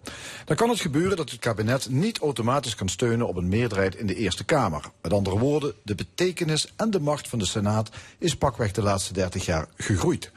De huidige Eerste Kamer is geïnstalleerd in juni vorig jaar. Aan tafel twee debutanten. Theo Bovens van het CDA en Eugène Heijnen van de BBB. Heren, welkom. Dank u wel. Eugène Heijnen, u bent van de Boer-Burgerbeweging. Waarom bent u lid geworden van de BBB? Ik heb me altijd geïnteresseerd voor, uh, voor politiek. En uh, uh, begin 2022 ben ik me er wat meer in gaan verdiepen. Toen heb ik diverse partijprogramma's doorgenomen. En dat van BBB sprak me het meeste aan. En vandaar dat ik lid ben geworden. Oké, okay, maar wat doet een fiscalist bij een boerenpartij? Nou, we zijn wat meer dan een boerenpartij hoor. We zijn boer-burgerbeweging. Uh, en er kan ook nog een andere B bij van bedrijven. En uh, dat vinden we heel belangrijk. Dus ik ben, altijd, uh, ik ben burger binnen de boer-burgerbeweging. en hou me met name bezig met alles wat met bedrijven te maken ja. heeft. U werd in maart vorig jaar statenlid. En 2,5 maand later werd u beëdigd van, van de Eerste Kamer. Was de nood zo hoog bij de BBB? Nee, dat was van tevoren bekend en daar hebben we ook nooit geheimzinnig over gedaan. Ik stond op de lijst van de Eerste Kamer terwijl de verkiezingen waren voor provinciale staten. Dat was dus ook bekend. En ik heb altijd aangegeven, ook omdat we een hele goede nummer 11 in Limburg hebben, dat ik, als ik de kans zou krijgen, zou kiezen voor de Eerste nee, Kamer. Nee, snap ik. Maar u bent nooit eerder politiek actief geweest. Nee. Dus u werd meteen in de diepe gegooid. Dat klopt. Provinciale staten, Eerste Kamer. Ja. Dat klopt. En dat was uh, in het begin uh, heel erg wennen. Hè? Uh, en dan misschien nog niet zozeer inhoudelijk, maar name hoe de processen en de procedures binnen de Eerste Kamer werken. Ook politiek heb ik natuurlijk veel geleerd het eerste half jaar. Maar ja, gelukkig hebben we een grote fractie. En ik moet ook zeggen, de samenwerking met de andere senatoren. Ja. Bovens is daar een van, maar ook van andere partijen. Dat, dat helpt ook heel erg. Ja, u wordt dit jaar 60, dus dat mag je dan late roeping noemen. Uh, ja, late, late carrière switch. Ja. ja. Goed, Theo Bovens, u was uh, gouverneur tot april 2021. Ja, Daarna waarnemend burgemeester en lijsttrekker van het CDA in de Eerste Kamer. Mm -hmm. De politiek, het openbaar bestuur blijft trekken? Ja, dat, dat, dat bleef in ieder geval trekken en dat blijft nog steeds trekken. Anders zou ik natuurlijk dat niet gedaan hebben. Uh, het was wel zo dat uh, ja, de stap naar de, naar de Eerste Kamer was voor mij ook in die zin verrassend. Toen ik het, ja, het ook echt, wat doe je na het gouverneurschap en na een burgemeesterschap? Dan is de Senaat wel weer een politiek orgaan. En hoewel ik zelf toch een aantal jaren gewend was om boven de partij te staan. Hè, dat doe je als gouverneur, dan ben je niet partijpolitiek actief. Je gaat niet naar ledenvergaderingen toe enzovoort. Eh, om dan weer terug te keren in de politieke arena, dat, eh, ja, daar heb ik wel even over moeten nadenken. Hmm. Ja. En hoe bent u dat geworden? Bent u gevraagd? Heeft u uh, gesolliciteerd? Nou, men wist bij de partij wel dat, dat ik eventuele interesse zou hebben als, als er een mogelijkheid zou komen. en we hadden op dat moment overigens in Limburg een per perfecte senator, senator in de persoon van Ria Omen. Uh, maar ja, twee Limburgers, dat wordt lastig. Dus toen hebben we daar ook uh, onderling goed over gesproken. En uh, nou ja, het lijsttrekkerschap kwam voorbij. En dat heb ik met twee handen aangegrepen. En hoe bevalt het? Het fractievoorzitterschap. Ja, dat valt goed. Ook overzichtelijk, denk ik, hè? Met amper ja, zes man en zes, vrouwen. Ja, maar ja. goed, het is toch iedere keer weer gewoon discussiëren en standpunten bepalen. En kijken of we er samen uitkomen. dat lukt ook in 99 van de 100 gevallen lukt dat ook prima. nee, het is wel weer politieker dan ik dacht. En dat, is, dat viel mij tegen, omdat ik dacht dat die Eerste Kamer als een soort chambre de réflexion zou opereren. Het alleen zou hebben over de, de uitvoerbaarheid van wetten of de proportionaliteit van wetgeving en dergelijke. Soort laatste uh, check of een wetgeving ja. kan worden ingevoerd of niet. En, maar in de praktijk is de praktijk het toch een politiek toch, orgaan ja, en dat wordt, valt u tegen? Ja, dat, dat vind ik jammer. Omdat uh, dat betekent ook dat, dat de Eerste Kamer uh, soms dingen doet of kan doen waarvoor ze er niet is. Of misschien wel wetten kan doorlaten die misschien niet moeten worden doorgelaten. De BBB heeft de grootste fractie, hè, uit het niets naar 16 zetels. Dat was een piekmoment van je welste. Ja. Daarna zijn jullie wel flink teruggezakt, hè? In de peilingen, dat klopt. Ja, nou ja, bij de Tweede Kamerverkiezingen, nog maar zeven zetels. Was dat eh, de grote onnuchtering? Nou ja, ik denk dat er meerdere factoren een rol hebben gespeeld. Eh, eh, we hadden natuurlijk gehoopt op, op meer zetels. Maar ehm, eh, we stonden ooit op 30 zetels. en we wisten wel dat we dat niet gingen halen. En ja, daar spelen meerdere factoren een rol, denk ik. Hè. Welke? nou, bij de verkiezingen van provinciale staten hadden wij de wind in de rug. Hè, en wilde de kiezer iets anders en heeft toen massaal op BBB gestemd. Bij de verkiezingen voor de Tweede Kamer hadden we natuurlijk in de, in de, in de vorm van NSC ook een eh, hele, hele Nee, het snap ik. Maar grote is het concurrent. electoraat dan zo op drift dat, dat je zulke Nou, grote schommelingen krijgt in zo'n korte tijd? Ik, ja, ik, ik vertaal het maar als het electoraat wil, wil, wil iets anders, wil, eh, ja, eh, en, en maakt op, da- op basis daarvan keuzes, ja. Ja. Mensen zijn gauw blasé. Weet ik niet. Stappen gauw over. Ik- Met het nieuws. Ja, misschien wel, maar ik denk dat dat voor een belangrijk deel ook, ja... Ja, eh, het, is, eh, het is wel terecht hoor dat eh, de, de trouw, de merkentrouw zou ik bijna zeggen in de Nederlandse politiek is erg laag. Ik las eh, een, eh, een, een Vlaamse enquête over de Vlaamse verkiezingen die over een paar maanden zijn. En daar is 80% van de mensen is eh, eh, merkentrouw, of in ieder geval meer dan drie kwart. En dat vindt u prettig? En eh, nou ja, dat is Want het de- CDA heeft er natuurlijk enorm onder geleden. Onder, eh, we hebben daar gelezen, maar dat gaat ook over stabiliteit. En als ik nu kijk bijvoorbeeld naar een, een kabinetsformatie, een van de redenen waarom het allemaal ook zo lang duurt, is gewoon een gebrek aan stabiele verhoudingen. En, en dat mensen van elkaar weten wat er gaat gebeuren. Eh, de voorspelbaarheid is een stuk minder geworden. En het kabinet, het demissionair kabinet, had al geen meerderheid in de Eerste Kamer voordat wij kwamen. En dat hebben ze nu nog steeds niet. En dat maakt het dus ook wat onvoorspelbaarder. We hebben aanstaande dinsdag eh, een wet die de discriminatie op de arbeidsmarkt eh, eh, tegen moet gaan. Die wordt met grote meerderheid in de Tweede Kamer aangenomen. En we weten nog steeds vandaag niet, we kunnen niet voorspellen of hij het aanstaande dinsdag gaat halen of niet. En daar, daar gaat het wel ergens over. Hè. Dat zijn geen, geen kleine wetgevingen, dat zijn echt hele belangrijke dingen. En de voorspelbaarheid daarvan is, eh, is afgenomen. Ja. En daarmee dus de belangstelling voor de Eerste Kamer toegenomen. Dat is natuurlijk het, het, het, eh, de andere kant van de medaille. Ja. Een tijdje geleden heeft u hier de spreidingswet eh, hartstochtelijk verdedigd. Die is ook aangenomen is ook door de. Eerste Kamer. Komt het goed met de uitvoering van die wet? Ja, ik denk het wel. Eh, dus wij hebben natuurlijk vraagtekens allemaal gesteld van is die te uit te voeren, et cetera. Maar de, de staatssecretaris, die wet is aangenomen nog voor 1 februari. En hij heeft meteen nog in die maand januari de maatregelen genomen die nodig zijn. Dus dat betekent dat het loopt. U houdt de vinger aan de pols. We houden zeker de vinger aan de pols. Ja. De BBB stemde tegen. Met als argument, het lost de problemen niet op. Je moet iets doen aan de instroom van vluchtelingen. Meneer Heijnen, dat zijn eigenlijk toch twee verschillende dingen? Nou nee, we hebben niet gezegd je moet iets doen aan de instroom van vluchtelingen. Je moet iets doen aan de instroom, doorstroom en uitstroom van vluchtelingen. Dus de hele keten. Ja. En eh, alleen als je dat oplost, het totaalplaatje, dan kun je de doorstroom, want daar hebben we het hier over, ook op een goede manier regelen. Ja, maar goed, je moet ergens beginnen, toch? Plus het feit dat wij het eh, toch wel eh, bijzonder vinden dat voor deze solidariteit, die in feite de, de wet bewoog- beweegt nu om af te dwingen. Terwijl wij, een, een, kort voorbeeld, we kregen natuurlijk net zoals het CDA voor, voor de stemming heel veel berichten, mailtjes, telefoontjes van ja, partijen voor of tegen. En eh, heel veel ook van bestuurders die aangaven, ja, neem die wet nu aan, dan kunnen we beginnen. Ja. Onze reactie was, ja, maar je kunt toch nu al beginnen? Je hebt die wet toch niet nodig om te beginnen? En vervolgens hebben wij diezelfde bestuurders na aanname van de wet gevraagd, goh, Ter Apel heeft een probleem, gaat uw gemeente daarbij helpen? En dan hoor je niks meer. Dus de wet was nodig. Ja, hieruit, ja. Ja, er werd ook met spanning uitgekeken naar eh, de stemming in de Eerste Kamer over de zogenoemde salderingsregeling. Het kabinet wilde die regeling afschaffen, maar de Senaat heeft dat, ja. heeft dat wetsvoorstel verworpen. Meneer Bovens, waarom wil het CDA af van die salderingsregeling? Omdat eh, hij niet houdbaar is. Niet alleen financieel niet houdbaar is, maar ook eh, qua solidariteit met mensen die geen zonnepanelen op het dak kunnen leggen. Die betalen voor een deel de rekening mee voor de mensen die dat wel doen. Maar zonnepanelen zijn goed voor de energietransitie. Zeker. Het financiële En, eh, voordeel stimuleert blijft- mensen om aan Ja, verduurzaming te doen. Dat voordeel blijft. Het begint al op het moment dat je het op het dak legt, eh, dat je rekening al omlaag gaat. De terugverdientijd zal misschien van vier, vijf naar zes of zeven jaar gaan. Tien jaar geleden was dat overigens tien jaar of twaalf jaar. Dus dat, die voordelen blijven uiteraard. Maar het is aan de andere kant, eh, ja, en dat zien we nog gebeuren. Doordat die wet niet is aangenomen, ja, staat dan één keer weer een gat van 700 miljoen in de, in de Rijkskas. Die de onderhandelende partijen aan tafel voor het nieuwe kabinet weer moeten oplossen.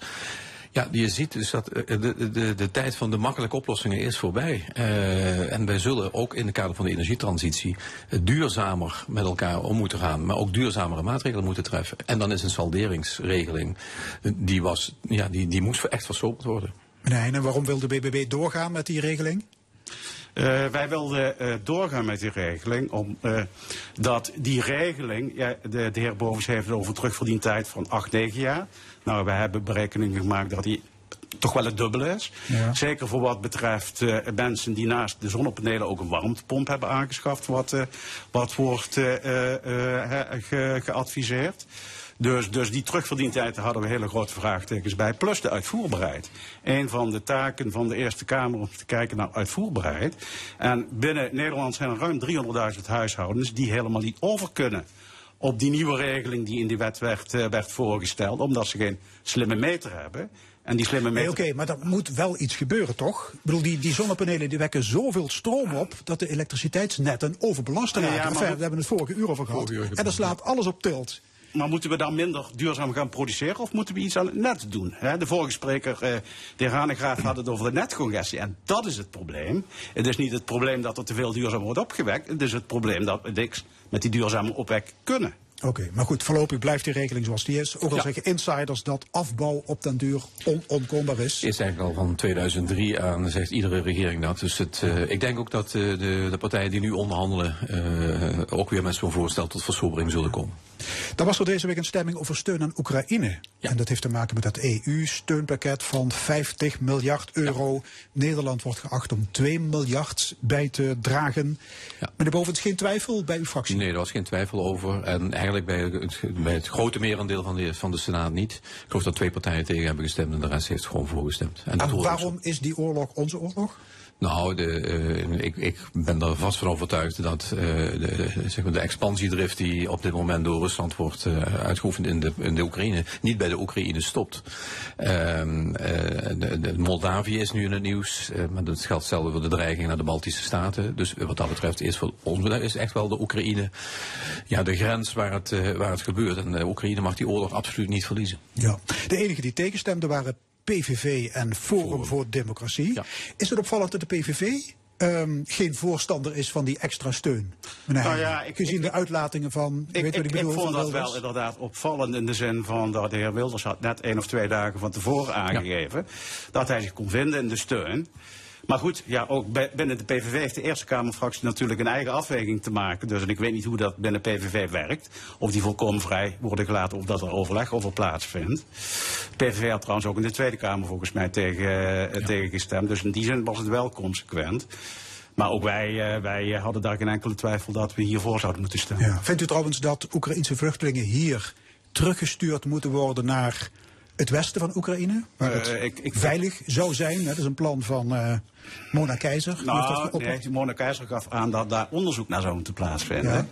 En dat vind ik een goed idee. Hè. Uh, onderzoek zou daarna moeten plaatsvinden. Nou ja, zat er over een skioord in het zuiden, ja, zuidwesten dat, van Oekraïne? Dat, dat, dat weet ik niet. Dat, daar ga ik nooit skiën, dus dat, dat weet ik niet.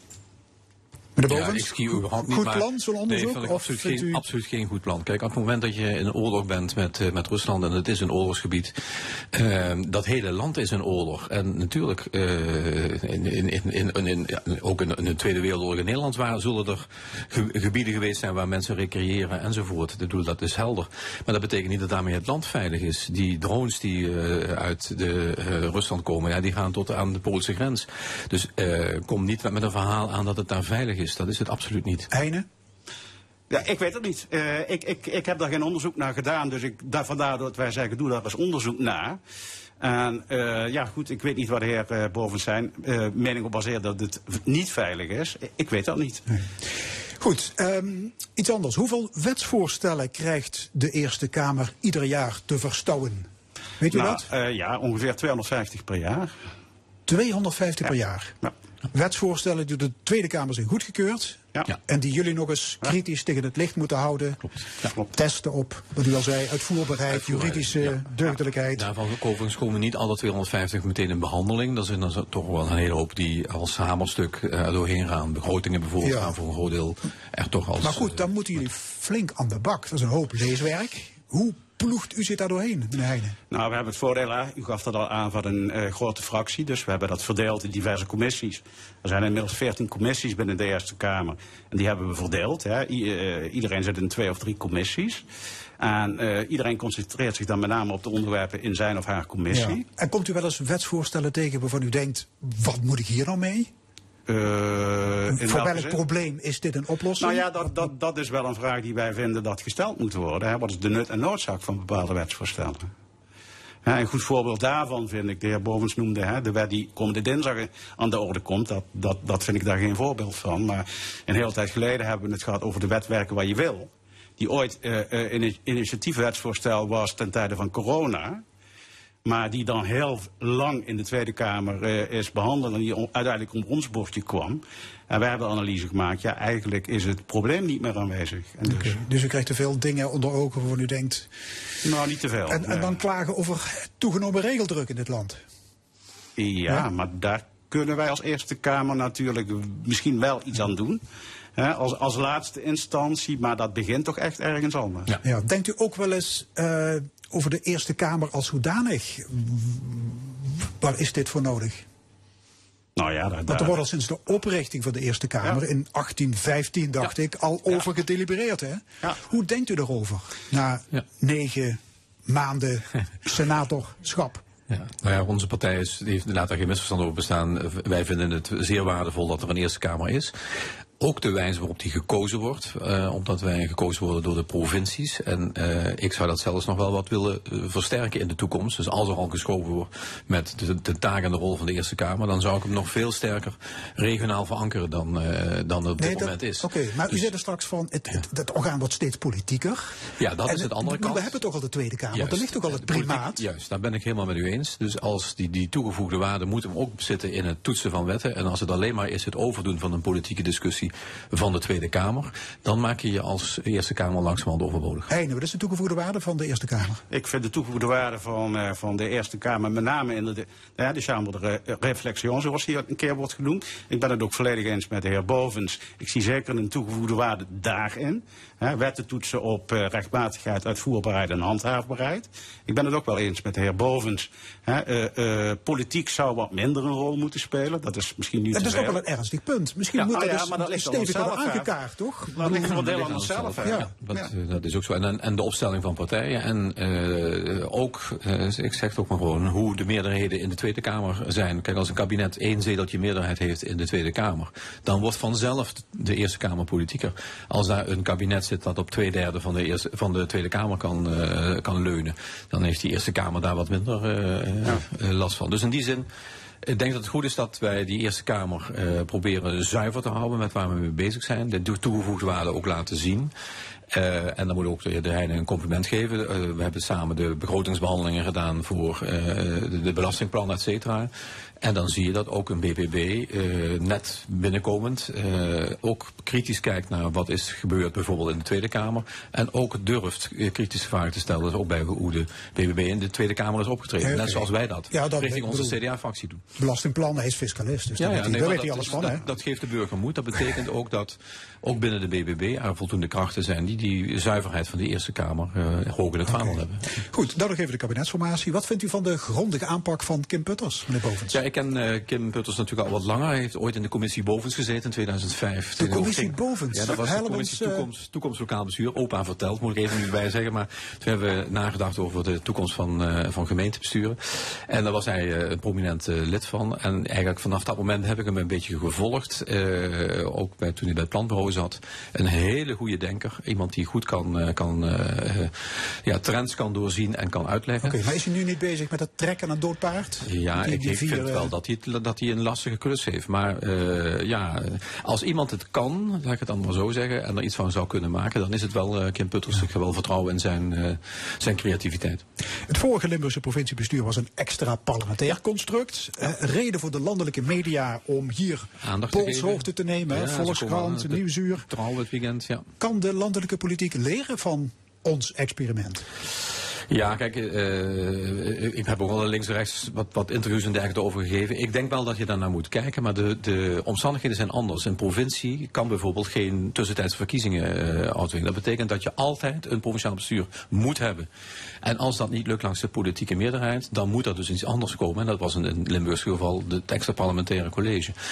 In Den Haag uh, is er altijd nog een andere mogelijkheid. Als je er niet uitkomt en je zou het uiterste nog zo'n extra parlementair kabinet kunnen doen, maar je hebt altijd nog de mogelijkheid voor nieuwe verkiezingen. En dat, is een, uh, dat maakt de situatie echt anders. Is het verschil ook niet dat het minder ideologisch beladen is in een provincie? Ja, maar dat, uh, dat zou de provincie ook een beetje tekort doen. wat wel het geval was in Limburg bijvoorbeeld, de, de, ook de financiële uitgangsposities van de provincie zijn anders. Wij kunnen nooit meer geld uitgeven dan we hebben. In Den Haag moet men dadelijk 17 miljard bezuinigen. Nou, een extra parlementair kabinet kan wel geld uitgeven, maar geld bezuinigen in een, eh, als je geen binding hebt met Kamerfracties, dat wordt nog een hele kluif. Dus ik denk dat het eh, in die vergelijkbaarheid, ik zou het in Den Haag uh, niet meteen voor pleiten. De leiding van de Eerste Kamer had trouwens alcohol verbannen uit jullie kantine. dat is uh, na protest weer ingetrokken. Deze laat ik aan de heer Heijnen. nou ja, goed, ik, ik wil er best wel op reageren. Maar ik drink nooit alcohol in de kantine, okay. omdat ik nog naar huis moet rijden daarna. Dus, uh, dus dat, uh, dat, ja. dat vooraf. Ja.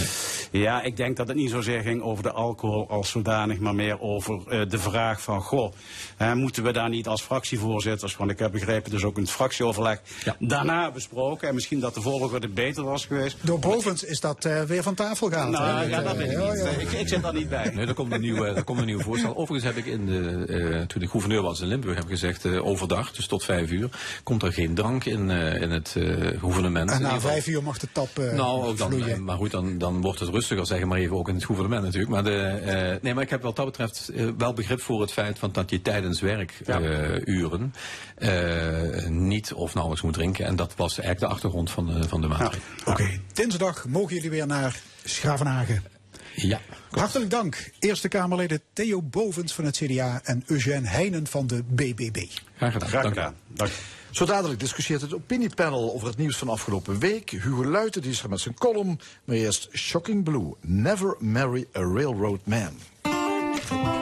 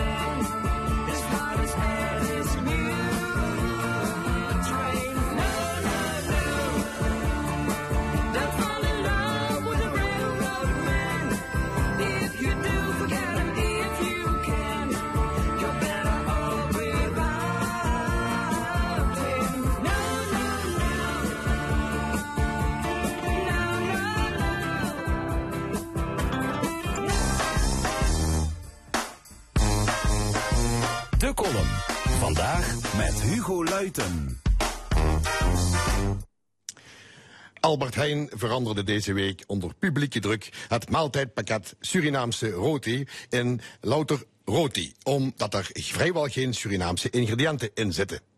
De grootgrutter had het eigenlijk beter moeten weten, want drie jaar geleden was er om dezelfde reden al ophef over de Vietnamese pho. Misschien zult u, luisteraar, nu mompelen, je mag ook niks meer tegenwoordig. Maar laat mij u wijzen op een overeenkomst. Iets dat Limburgers gemeen hebben met Surinamers en Vietnamezen. Wij Zuiderlingen kunnen die onbeschaamde culturele toe-eigening namelijk maar al te goed begrijpen. Want in de toevoeging Limburgs wordt ook de pas en vooral de onpas gebruikt. Limburgs zuurvlees, Limburgse koude schotel, Limburgse knapkoek. De Limburgse vlaai moet zelfs door de Europese Unie beschermd worden om een dam op te werpen tegen wangedrochten als tompoesvlaai of, oh ramp, brownie sinaasappelvlaai uit de als bakkerij vermomde gruwelkelders van de multivlaaien van deze wereld. Maar in Nederland wordt nu eenmaal niet zo nauw gekeken. Wie gaat er nu vanuit dat er in de supermarkt überhaupt eerlijke spullen verkoopt? Die leven van boerenbedrog. De pindakaas in de aanbieding, maar ondertussen brengen ze met de rest van de boodschappen je portemonnee op uitlekgewicht. Nederland blijft het land van de koopman en de dominee. De dominee zal je wel eens even vertellen hoe een Limburgse vlaai, Vietnamese pho of Indische hutspot smaakt. En ondertussen lokt de koopman de klanten binnen, trekt zich geruisloos het vel over de oren en vindt een manier om dat vel ook nog te verkopen. Het is dus niet vreemd dat supermarkten maar wat aanrobbelen met kant-en-klaar maaltijden en verspakketten. Geholpen door de bedwelmende mengeling van etensgeuren die de verschillende recepten van verschillende grootmoeders oplevert. Zo ben ik er nooit helemaal achter gekomen wat mijn grootmoeder in dat zuurvlees deed. Maar ik weet zeker dat olijfolie en paprikapoeder daar niet bij hoorden. Laat staan soja, raapzaad, emulgatoren, smaakversterkers, carotene en diglyceride van vetzuren. Wel stroop en peperkoek natuurlijk, maar die combinatie zal voor de dames en heren gifmengers wellicht te hoog gegrepen zijn. En u kunt het zelf googelen op fertiggericht of bereide maaltijden. Maar in het ons omringende buitenland is er alleen een klein assortiment noedelachtigen verkrijgbaar. Verzopen in een saus die licht geeft in het donker. Alleen de wanhopigen der aarde vergrijpen zich daaraan, maar iedereen die nog een lepel vast kan houden, kookt zelf. En geen hond die zal beweren dat er ook maar iets authentieks in de schreeuwerige verpakking zit. Een Antwerpse vriend fronste dus zijn wenkbrauwen toen ik uit pure noodzaak iets opentrok waarvan Appie beweerde dat het vers uit eigen keuken kwam. Kijk, op grootmoeders wijze, wees ik hem nog op de slogan. Met lange tanden proefde hij een vorkpuntje, keek mij verbaasd aan en vroeg: Hoe wisten die dat jouw grootmoeder niet kon koken? De column van Hugo Luiten. We gaan verder met het discussiepanel. Drie opiniemakers bespreken in het oog springende actualiteiten. Vandaag over hoge verkeersboetes, Oekraïense vluchtelingen en deurbellen met camera's. Ik heet van harte welkom Monique Parren, journalist van de Limburger, Luc Wienans, docent aan Zuidhogeschool en publicist Armo Leenaars. Ja, welkom. Het opvangpunt voor Oekraïense vluchtelingen, dat zit in de jaarbeurs in Utrecht, maar dat is uh, min of meer gesloten op dit moment, want de opvang, de opvang zit vol. Enkele tientallen mannen en volwassen stellen die zijn inmiddels ook geweigerd daar. Uh, als je dat hoort, uh, er is nog steeds oorlog in Oekraïne. Hoe, hoe kijken jullie daarna dat wij een, ja, zo'n opvangpunt moeten sluiten, Monique? Ja goed, ik vind het vreselijk dat we uh, niet in staat zijn om uh, vakkundige opvang te verzorgen. we hebben ons met een aantal landen om ons heen gecommitteerd aan die opvang.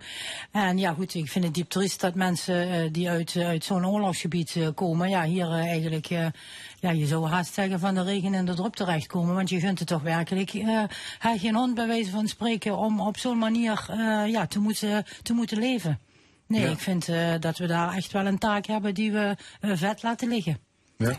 Wat vinden de anderen aan tafel hier ook mee ja, eens? Ja, dat denk ik ook. Ja, ja? natuurlijk. Ja. En uh, ik begrijp ook niet waarom dat iedere keer dat achter de feiten aanlopen, dat, dat dat iedere keer weer terugkomt. Want dat zie je eigenlijk bij de hele asielcrisis. Hè. Het lijkt wel alsof Nederland het niet goed wil organiseren vanuit een soort achterliggende gedachte van als je het wel goed organiseert, dan komen ze allemaal naar ons of zo. Wat, Ja. helemaal, wat helemaal niet zo is. Nee, Helemaal eens ook met wat ze juist zeggen. Ik, schaam me er zelfs voor, eh, omdat ik echt vind dat dit niet kan. Als je ziet wat er in Oekraïne gebeurt, eh, die verschrikkelijke oorlog. Maar ook in Rusland de afgelopen weken hebben we natuurlijk ook die beelden gezien.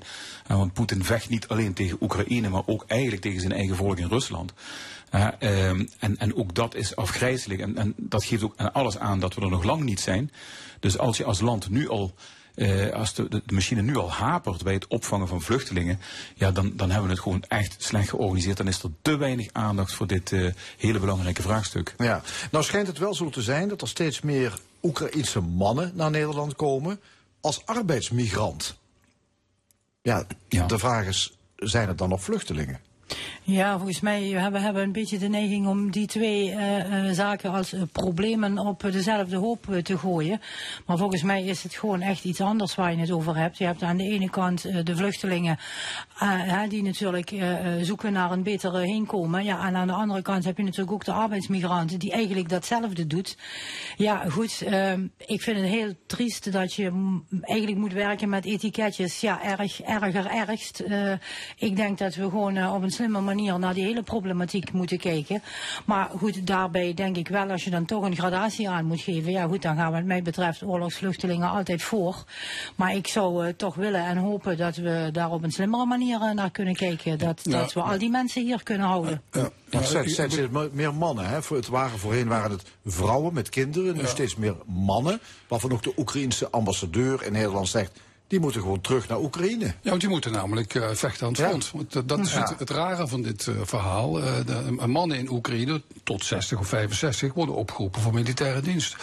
Dus ik, ik vraag me dan af, om hoeveel mensen gaat dit eigenlijk? Of is dit ook weer een verhaal om, eh, om, het, eh, om ze in discrediet te brengen? Ja, precies. Dat laatste, dat, dat is ook mijn vermoeden. Eh, en om daar toch wat tegenwicht aan te geven. Afgelopen week was in Lumière de première van een eh, hele belangrijke documentaire. 20 Days in Mariupol. Ehm, die is overigens ook te zien op eh, NPO 1, VPRO. eh, die kun je dus op, op je, die kun je streamen. Eh, als je dat ziet, en dat gebeurt ook in de zaal, als je dan de beelden ziet van wat er in 20 dagen gebeurt met zo'n immense stad. hoe mensen de vernielingen worden geholpen. Niet alleen de stad, maar ook de mensen. Het wantrouwen, de wanhoop. Eh, het is afgrijzelijk. De zaal was muisstil toen die film was afgelopen. Eh, en als je dat ziet, hoe schrijnend eh, die beelden zijn, dan kun je alleen maar denken van ja, laten we er alles aan doen om inderdaad zorgvuldig met de vluchtelingen om te gaan. Laten we dat verhaal nou niet gaan vermengen met allerlei populistische eh, troep van uitspraken over van god, er zijn best delen waar het veilig is, waar je kunt skiën. Ja, dat was, dat was een opmerking van Mona Keizer, Ja. Tweede Kamerlid voor de BBB. Die zei van die Oekraïners, die kunnen best terug naar bepaalde delen van het land. Want in het westen, daar is het veilig, daar kun je zelf skiën. Nou, volgens mij is dat echt grote onzin. Ja, want als er één ding duidelijk is in Oekraïne, en wat, het is ook wat Poetin eh, doet, hè, is laten zien dat je nergens veilig bent. Dat is nou precies wat hij doet. Met drones, met raketten, met aanvallen. Dus ik, ik, ik, ik- dan, dan- als je zoiets roept, dan moet, dan moet je wel feiten hebben, en anders moet je je mond houden. Precies, en het, het suggereert ook alsof, er, of alsof we vorderingen maken, alsof het misschien bijna afgelopen is. Het tegendeel is waar. En met de Russische economie gaat het hartstikke goed. Moskou floreert. Eh, wonderbaarlijk. Hij heeft er alles mee te maken dat Poetin wist Ja, dat die oorlog zou komen. Oorlogseconomie, hè? Ja, ja. oké. ja, maar eh, eh, laat ik zeggen, op, op straat in Moskou gaat het erg goed. Ehm, met andere woorden, eh, daar is nog alle gevoel van we gaan dit makkelijk winnen, we gaan de strijd makkelijk winnen. En als wij dan hier eigenlijk de solidariteit aan het verbreken zijn binnen Europa, met zo'n wisselende uitspraken, eh, ook deze week weer een PVV, hè, met Wilders die dan zegt van nou, misschien moeten we toch maar wat doen, terwijl dan de fractie tegenstemt tegen zo'n belangrijke eh, maatregelen die we willen nemen op de lange duur voor de wederopbouw van Oekraïne, ja, dan, dan, dan denk ik dit is zo'n slecht signaal. Ja. De meeste Oekraïners vinden trouwens redelijk snel weer wel werk in Nederland. Eh, in de Tweede Kamer is wel een breed, eh, brede wens om het leefgeld naar beneden te brengen. Nou ja, goed, als je werkt, als je werkt. dan, eh, als, je, als je een inkomen voor jezelf genereert, denk ik dat dat leefgeld inderdaad eh, wel verminderd eh, eh, kan worden. Kijk, en ja goed, daar zie je ook aan, hè, ze zoeken wel werk en ze vinden werk, omdat, dat allerlei, omdat er allerlei banen zijn die wij liever niet willen opvullen. Dus nou ja, goed, in die zin eh, hebben ze hier natuurlijk ook wel eh, ja, goed, een, een, een een bepaalde zeggingskracht. Ja, want we kunnen eh, wel zeggen, ja goed, eh, we moeten ze allemaal terugsturen. Eh, ik zie ons hier aan tafel niet de banen invullen die zij hebben nu. Ja, en ik, ik zie ook dat het eh, met Oekraïners gemiddeld genomen veel beter gaat dan met de andere asielzoekers. Want ik begrijp dat ongeveer de helft heeft een baan gevonden, inderdaad. En dat denk ik hartstikke positief. is misschien wel de beste manier om te integreren in de samenleving. Terwijl het bij andere asielzoekers niet, niet zo is. Hè. Die moeten door die jarenlange inburgering en raken daardoor va- vaak ook gefrustreerd en, en geïsoleerd. En, eh, en moe- hebben moeite om, om aansluiting te vinden bij de samenleving. Dus ik, ik zou zeggen, eh, het gaat hartstikke goed eigenlijk met die Oekraïners in Nederland. Maar ook die discussie weer, hè, die suggereert eigenlijk alsof er Oekraïners eh, kennelijk heel boos zijn dat hun iets wordt. Dat is helemaal niet waar. Er is nog geen Oekraïner voor een camera geweest die gezegd heeft: God, wordt mijn leefgeld beperkt, want ik heb een baan. Niemand. Die redelijkheid snappen ze, omdat ze gewoon ook in die heel veel begrip hebben en heel veel waardering hebben voor het feit dat ze hier opgevangen worden. Dus ook dat zijn van die ingrediënten in het debat, die zou je niet moeten willen. Goed, ander nieuws van deze week. PostNL wil niet meer iedere dag post bezorgen. Van die verplichting wil het bedrijf af, want er is een gebrek aan postbodes en het aantal brieven dat wordt verstuurd is fors gedaald. Mag wat jullie betreft de postwet worden veranderd? Lupinans? Ja, ik, ik denk dat je daar, daar niet aan ontkomt. Hè. Ik bedoel, die postwet die komt uit 1810. Hè. Napoleon heeft daar nog een verantwoordelijkheid in gehad. Dan moet hij wel goed zijn als je zo oud is, hè? Ja, daarom. En, en, hij, ja, Napoleon schreef heel veel liefdesbrieven aan zijn eh, grote geliefde. Hij had er belang bij. Ja, hij had er belang bij. En, eh, maar hij heeft ook niet voor niks gezorgd dat iedereen een adres en een naam en dat soort. Dus sinds die tijd is er een post. Maar er is natuurlijk wel heel veel veranderd sinds het digitale tijdperk. En daar moeten wij ons als land natuurlijk ook in aanpassen, denk ik. Ik ben wel benieuwd naar de cijfers. Hè. De post zegt altijd, ja, het loopt allemaal eh, eh, zo terug.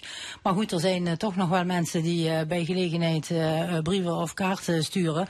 Je hebt medische post, eh, je hebt allerhande soorten post. Dus- Oké, maar, maar hoe vaak doen jullie per week iets op de, op de bus? Een, een kaart, een brief, een pakketje? Ja, heel weinig. Nee, dat natuurlijk. Maar, maar het, het- je moet het ook niet alleen maar zien in termen van winst en verlies. Eh, volgens mij moet je dit ook beschouwen als een maatschappelijk eh, functie. Als een, service, als ja. een, en eigenlijk zou post, mijn idee, gewoon weer een nutsbedrijf moeten worden. Want die, die postboden die lopen rond in de wijk. Die, eh, die, die, die, die, die, het is ook een soort bidmiddel vaak. En eh, ja, je, niet, je hoeft niet overal geld aan te verdienen. En het lijkt een beetje op de spoorwegen. Hè. De service gaat achteruit, de prijzen gaan omhoog, gaat de service nog verder achteruit. Het is een beetje een visieuze cirkel waar je dan Ja, terecht j- jij zegt die postbodes die kennen de buurt waar ze werken op een duimpje. En er wordt hier en daar gesuggereerd om die mensen in te zetten voor ja, publieke taken. Ja, als als BOA of Ja, als vraagbaak om, Ja. om de sociale cohesie in de buurt te versterken. Ja. Leuk, zie je dat, zie je dat zitten? Maar die discussie, dat is al enige tijd dat daarover na wordt gegaan. En ik vind het op zich ook wel heel aardig. Eh, ik denk dat ze nu al de sociale cohesie bevorderen. Omdat ze toch vaak een praatje maken, eh, links en rechts. Maar onderschat ook niet wat dan op je afkomt. Hè? Want ik bedoel, ik denk dat het al te simpel is om te zeggen van nou, geef ze daar officieel een rol in. Want dan formaliseer je dat ook weer. Ehm, ja, dit, wat bijzonder overigens is, is dat de Post wel degelijk ook de afgelopen jaren, ik geloof 90 miljoen winst heeft gemaakt. Ja, dus het gaat allemaal zo slecht nog niet met de Post. Maar we zullen ons in het systeem moeten aanpassen naar minder bezorgdagen, dat denk ik wel. Ja, maar de vakbonden die zijn niet enthousiast over de plannen. Die zeggen je moet niet morrelen aan de dienstverlening. Zorg voor betere arbeidsvoorwaarden. Dan krijg je die duizend postbodes die nu tekort komt, die, krijg je dan wel, die haal je dan wel binnen. Ja, maar het, was, het was vroeger ook een goed betaald beroep. Maar is En het niet zo dat, volgens mij zijn er nu vaste contracten? Ja, En- na, na en- heel en- veel. Ja, klopt. En, ja. en eh, Ja. volgens mij is er zelfs 8% ook salarisverhoging Mhm. gekomen. Heeft niet de, het, het gewenste effect, begrijp ik. Dus wie weet moet je daar wel nog wat verder in gaan. Maar ja, het- ook dit is een kwestie van organiseren. Eh, het moet natuurlijk wel blijven. Dat vind ik Ja, ook. zeker. Zowel onze kaarten en post en zo. Dat Ja, moet, maar moet de, wel. de bezorging wordt wel verruimd. Het is niet Ja. meer vandaag gepost, morgen Nee, bezorgd, dat- maar dat- twee of drie dagen Dat is dan later. zo, Is dat een ja. probleem? Nou, ik vind dat lastig met, eh, met eh, verjaardagskaartjes en zo. Of als je iemand een keer eh, bij wijze van verrassing iets wil sturen. Want ik ben, ja, ja. ik ben altijd... Dagvaarding, dat soort, dat soort dingen. Nou, maar daar moet je extra voor betalen, geloof Verkeersboetes. ik. Ja. Dat kun je wel regelen, moet je extra Oh. porto betalen. Ja, nou, rouwkaarten gaan in ieder geval altijd voor. Hè. Die hebben ook een speciale postzegel. Dus die worden altijd de dag erna bezorgd. Maar voor de verdere rest sla ik altijd de plank mis. eh. ik ben altijd of te vroeg of te laat. Maar, maar, nog- maar nog, post is toch iets van ons allemaal. Hè? En nu is het een eh, beursgenoteerd bedrijf. En ik, eh, ik heb even opgezocht. Een derde deel van de aandelen is van, eh, van John, de, John de Mol of Job van den Ende. Dus met andere woorden, die post is er blijkbaar om eh, een dividend uit te keren aan een multimiljardair. Nou, ik, van, daar zijn we toch verkeerd bezig? Ja, ik, ik, ik denk inderdaad dat... Waar is dat goed voor? Ja, waar is dat goed? Eh, En dan inderdaad, het gaat om hele substantiële winstbedragen. Dus het is, het is kennelijk nog steeds lucratief. Eh, ja, en, en dan hoort daar toch een organisatie bij die wel bij deze tijd past. En dat, ja, dat loopt achter. Oké, het volgende onderwerp zit een be- beetje ook bij die eh blijvende buurt van de brievenbus. Eh, de videodeurbel. Ja. ja. Ik weet, wie, wie van jullie heeft een videodeurbel? Nee. Ja, ik heb er een. er een een. appartementengebouw, maar dat is niet van mij. Die is van, eh, van de Vereniging van Eigenaren. En Die, die beheren hem ook. En wa- wa- eh, ja, ja. wat is ik ben het- onschuldig, ja. Ja, wat is, het, wat is het voordeel van zo'n videodeurbel? Nou, je kunt wel zien wie er aan de deur staat. Ja. Dus eh, met, met pakketjes bijvoorbeeld, eh, met de postbode. En En je kunt ook- bellen keurig aan, dan kun je zien wie het is. ja, en, En- dan wordt er een filmpje gemaakt van diegene. Er worden beelden van gemaakt en die worden ook weer gewist na zoveel tijd. daar zijn, daar zijn regels voor. Ik, ik, mag die, ik mag die beelden niet zien. Nee, maar Dat weet doet- je zeker dat die beelden gewist worden? Eh, ik heb het niet gecontroleerd, maar de Vereniging van Eigenaren heeft een bestuur en die zijn daar verantwoordelijk voor. Die moeten dat na zoveel tijd, eh, of het gaat automatisch worden, het zijn die beelden weg. Maar in geval van incidenten kun je dus die beelden terughalen en kun je, kijken, kun je zien wat er gebeurd is. Ja, ja goed, wat daar natuurlijk vreemd aan is, is dat we met z'n allen een spektakel over de AVG hè, op alle mogelijke fronten. En eh, waar het om de videodeurbel gaat, eh, zijn alle regels en richtlijnen eh, losgelaten. Iedereen installeert die dingen. Het is hartstikke illegaal. eh, hè, want als ik over de stoep loop, dan word ik door mijn buren en mijn overburen eh, word ik in ieder geval van drie kanten gefilmd. Terwijl ik daar niet om vraag en terwijl eh, zij dat ook niet mogen. Dus ik vind het maar een raar fenomeen, die hele videodeurbel. ja, je mag het niet op de openbare weg richten. En het moet inderdaad na een bepaalde tijd gewist worden. Maar ja, niemand Ik houdt zie zich maar eraan. vragen aan de buren links Ja. en tegenover ons. Ja. Eh, mag ik even zien eh, hoe vaak ik erop sta en eh, hoe oud het is? De burenruzie die is al compleet, eh, denk ik nog voor je Ja. met je Ja. snuffert voor die camera zit. Dat is, dat is inderdaad wat, wat, wat nu gebeurt. Hè. We, eh, wat bijzonder is, we hebben toevallig laatst ook over de omgevingswet gehad. En daarin werd ook gezegd van ja, wetten zijn er natuurlijk. Maar we moeten vooral eens kijken wat was het doel van die wet. Nou, die wet van de privacy, die moet er ook voor zorgen dat er een waarborging is van dat je fatsoenlijk omgaat met die gegevens. Hè. Dat zegt die AVG. Dat is die verordening. Tegelijkertijd zie je ook dat de politie dankbaar gebruik maakt van eh, bij heel veel incidenten die plaatsvinden om uiteindelijk eh, ja, hulp te vinden om, om, om daders op te sporen. En, en ook succesvol. Ja, er worden mensen worden zelfs gevraagd of ze beelden hebben van een bepaald tijdstip waarop iets gebeurd is in de straat wat niet in de haak is. Terwijl die videodeurbel daar illegaal hangt. En de politie vraagt om die beelden. Ja. Dat is toch on- onrechtmatig verkregen bewijs dan, denk ik? Ja, dat zal de rechter dan ook wel eh, Ja. eh, Ja. als En ook- zodanig zien, ja. En ook daarin zou je dus kunnen redeneren van ja, volgens de wet is dat onrechtmatig. Eh, tegelijkertijd wordt er wel een doel bereikt, namelijk dat we meer veiligheid op straat krijgen. En is de politie zeer dankbaar met dit soort gegevens. En dat is ook wat we van de andere kant natuurlijk horen. Als je op een avond met de buurt gaat praten, het belangrijkste item is veiligheid. Mensen willen zich veilig voelen. En dan als er ook iemand iets overkomt, hè, er stond een verhaal in de krant over iemand met zo'n hond die eigenlijk het muilkorf om moest. Nou, als die hond een kind aangevallen had, dan had iedereen gezegd: Kom hier met die gegevens, want we gaan hem nu pakken. Ja, dan, dan wordt het omgedraaid. Dus kortom, ik denk wel dat het item veiligheid eh, ja, hoge prioriteit mag krijgen. krijgen dan dadelijk ook een soort Big Brother samenleving, of niet? Camera's. In ieder geval. Maar is hebben het niet ook schijnveiligheid? Want nou ja, goed, er gebeuren ook hele, hele eh, rare, vervelende dingen. Hè? Ik bedoel, mensen worden ook eh, eh, aangesproken op hun gedrag, eh, terwijl eh, daar verder niet heel veel mis mee Ja, is. als, je, als je gewoon door de straat loopt, dan kan iemand al denken, waar- waarom loopt hij daar? Nou ja, Ja. goed, eh, ik ken eh, voorbeelden van eh, inderdaad eh, ehm, eh, eh, mensen die mij eh, dat verteld hebben. Nou ja, goed, eh, eh, zo'n WhatsApp-straat-app bijvoorbeeld. Nou ja, goed, aan het begin van de straat eh, staat iemand op de bushalte te wachten in eh, eh, eh, niet-westerse kledij.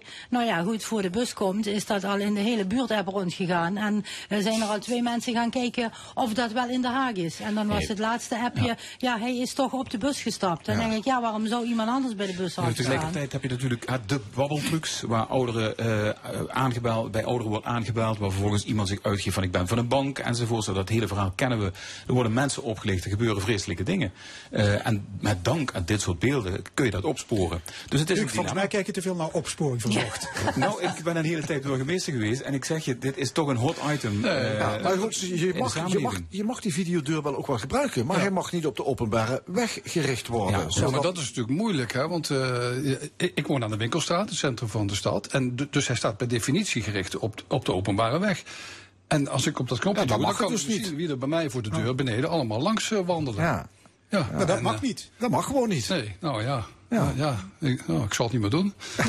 Ja, maar ook hierin zul je moeten zoeken naar, want, want je, je, ontkomt, je krijgt het niet verder, eh, volgens mij technisch gezien, verbeterd. Eh, dus je zult op, opnieuw moeten nadenken van wat kan wel en wat kan niet. En als het item veiligheid een rol speelt, zou ik zeggen, geef daar prioriteit aan. Voor al die andere Jij vindt dat we dat allemaal maar moeten, al- alles maar moeten Ik- ik- ik registreren? denk, ik denk dat je wel eh, met z'n allen een debat moet voeren van hoe ga je om met die gegevens. Hè? We vinden natuurlijk eh, vreselijk als mensen dat bijvoorbeeld op social media gaan gebruiken. Of wat je aangeeft in zo'n WhatsApp-groepen gaan delen en daar een zo'n sensatiezucht van gaan maken. En die taferelen, die moet je aanpakken en daar moet je ook organisaties op aanspreken.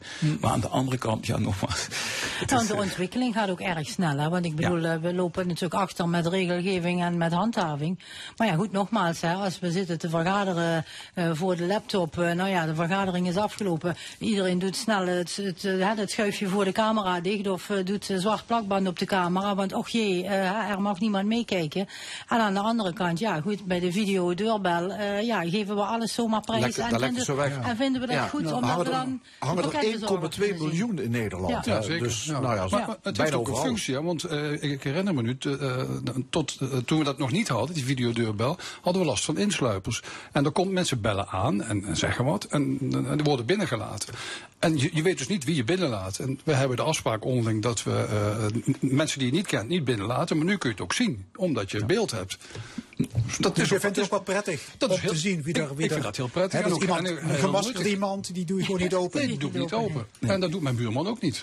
Kijk, en dit, hier speelt dat hè? En, en terecht dat je het zegt. En, maar vergeet niet dat bijvoorbeeld een politieorganisatie met zoveel regelmaat als ze in de keten eh, bezig zijn om, om eh, zaken op het gebied van geestelijke gezondheidszorg of andere veiligheidsitems om die aan te pakken, hoe je dan vast kunt lopen in die AVG. En ook daarin zeg ik van ja, dit, dit is eigenlijk te gek dat we ons daarin zo vastgemaakt hebben en dat je eigenlijk vaak helemaal niet meer in dienst kunt, eh, fatsoenlijk kunt optreden om de veiligheid te garanderen, ook van personen. Ja. Maar, en er zit dus ook echt een andere kant aan die medaille. Maar waar is onze gastvrijheid? Als er iemand voor de deur staat, dan maak je de deur toch open. Ga je toch niet met een, met een camera eh, liggen te, liggen te communiceren? Ja, als dat om 11 uur s'avonds is, ik weet niet hoe gaat dat bij jou dan? Thuis? 11 uur s'avonds? Ja. Onaangekondigd? Nou, er staat toch niemand onaangekondigd voor je op 11 uur s'avonds? Ik kan me niet voorstellen. Misschien kunnen we de postbodes vragen om die videodeurbellen in de gaten te houden. Dat is een goeie. Ja. Goed, sinds eh, vrijdag zijn de verkeersboetes flink duurder geworden. Ehm, nou, even een testje. Je krijgt een bekeuring omdat je met de auto op een parkeerplaats voor gehandicapten staat. Arno Lena's, hoeveel geld moet je dan dokken? 150 euro. Och nee, veel Veel meer, ja. 300, denk ik. 100, 300? 300. Nee, 650 meen ik. Nee, dat is ook te veel. 490 euro. Zo. Monique, het stond in je eigen krant.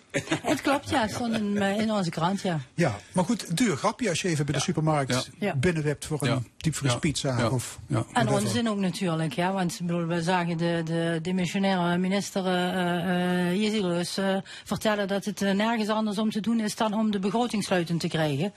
Dus het heeft niks te maken met eh, het opvoeren van de verkeersveiligheid. Ik denk zelfs dat door die boetes zo te verhogen dat je zoveel ergernis oproept dat, het, dat mensen meer zo'n soort kat-muis spelletje met de overheid gaan spelen. Je zet flitsmeister aan eh, en Oh, ja. die geeft je een seintje eh, als je moet afremmen. En dan wordt het eh, een sport om toch zo hard mogelijk te rijden en zo min mogelijk tegen die boete op te lopen. Zonder dat iemand zich volgens mij nog eh, eh, gedachten heeft ja, over dat de gebeurt- veiligheid. Maar dat gebeurt al massaal, hè? Flitsmeister aanzetten. Dus dat- Tuurlijk, maar goed, eh, nu moet je natuurlijk wel echt uitkijken hè, dat je niet door, tegen de lamp loopt. Ik bedoel, 300 euro voor rijden door rood licht. ja, goed, dat, dat denk je. Daar denk je over na, volgens en- mij en- alleen financieel gezien. Oké, telefoneren achter het stuur van je auto. Wat levert dat op voor de schatkist? Dat zal ook rond de 400, 500 Ja, denk gaat dat worden, denk ik. Dat is een dure overtreding. Ja, ik zat net veel te laag, dus ik doe nu voor dubbele 300. 420 euro. Jongen, ja, ja, Ja, maar ook ja. terecht, zonder gekheid, terecht. Ik vind dat dat inderdaad bij dit soort eh, vergrijpen eh, met telefoneren achter de auto zijn in de afgelopen jaar zo ontzettend veel ongelukken met dodelijke afloop ook gebeurd. Dat ik denk, heel goed om daarin op te treden. Dat is weer wat anders dan fout parkeren. Maar door een hogere boete vergroot je de pakkans niet.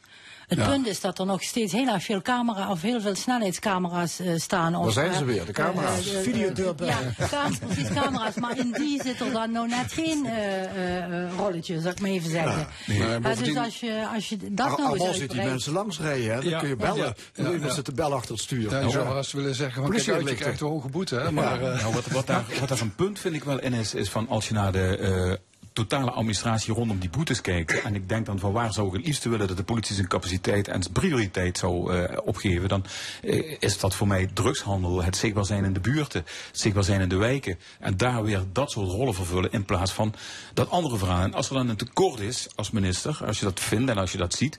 Nou, dan verhoog wat mij betreft de belasting voor iedereen met een auto die zwaarder is dan 1200 kilo. Die kunnen het eh, best allemaal betalen.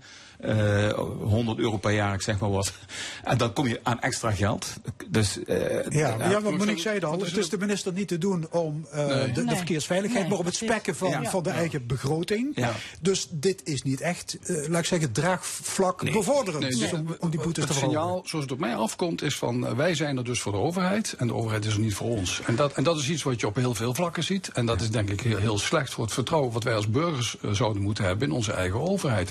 En dat je mensen eh, corrigeert als ze een fout of een overtreding begaan, dat is allemaal prima. Maar dit, en, en- maar dat je nu schaamteloos zegt, eh, we verhogen de boetes omdat we het geldtekort komt op de begroting. Ja. dan gooi je je eigen ruit ook in, hè, voor, voor het vertrouwen wat ik kan hebben in zo'n minister. dat, is, dat is inderdaad een heel verkeerd signaal. En, en ook de, eigenlijk jammer om, om gewoon als je aangeeft aan de burgers volgens mij dat er behoefte is aan meer eh, veiligheid op straat. En je wil daar substantieel wat meer geld voor ophalen.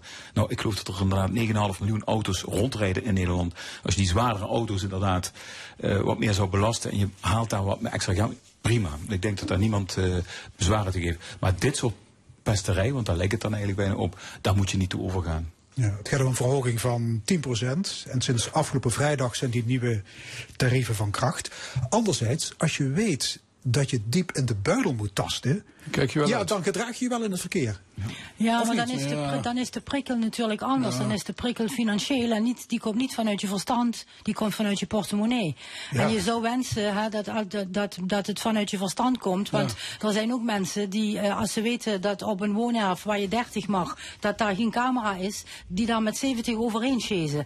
Kijk, want dan denken ze, nou ja, dat, dan raakt het me niet in de portemonnee, want er staan hier geen camera's. Dus ik maar gebruik je van die verstand. camera's van die buurten, die zou je dat misschien daarvoor kunnen gebruiken. Nou ja, goed. eh, maar goed, ik zou hopen dat. ehm, hè, bedoel, ik heb eh, eh, een keer van dichtbij meegemaakt eh, dat, eh, dat iemand eh, ja, goed, hele nare gevolgen heeft ondervonden van Ja. zo'n verkeersongeluk. Ja, goed. Ik bedoel, als je zoiets meemaakt, dan denk je wel wat beter na. Ja. Of de auto de deur uit doen, dat kan natuurlijk ook. Ja, ja. Maar ook op de fiets mag je niet bellen. Nee, dat, Dat is waar. En in Duitsland zijn de boetes veel hoger. Klopt. Lager. nee, veel lager. België, België ook veel lager. Ja. Hartelijk dank, discussiepanel vandaag met Monique Parren, Luc Wienans, Arno Leenhuis. Dit was de stemming vandaag gemaakt door Edwin Maas, Fons Geraas en Frank Ruber. Graag tot volgende week zondag, 11 uur. Dit programma is terug te beluisteren via onze website l1.nl en ook via podcast. Ik wens u nog een hele mooie zondag.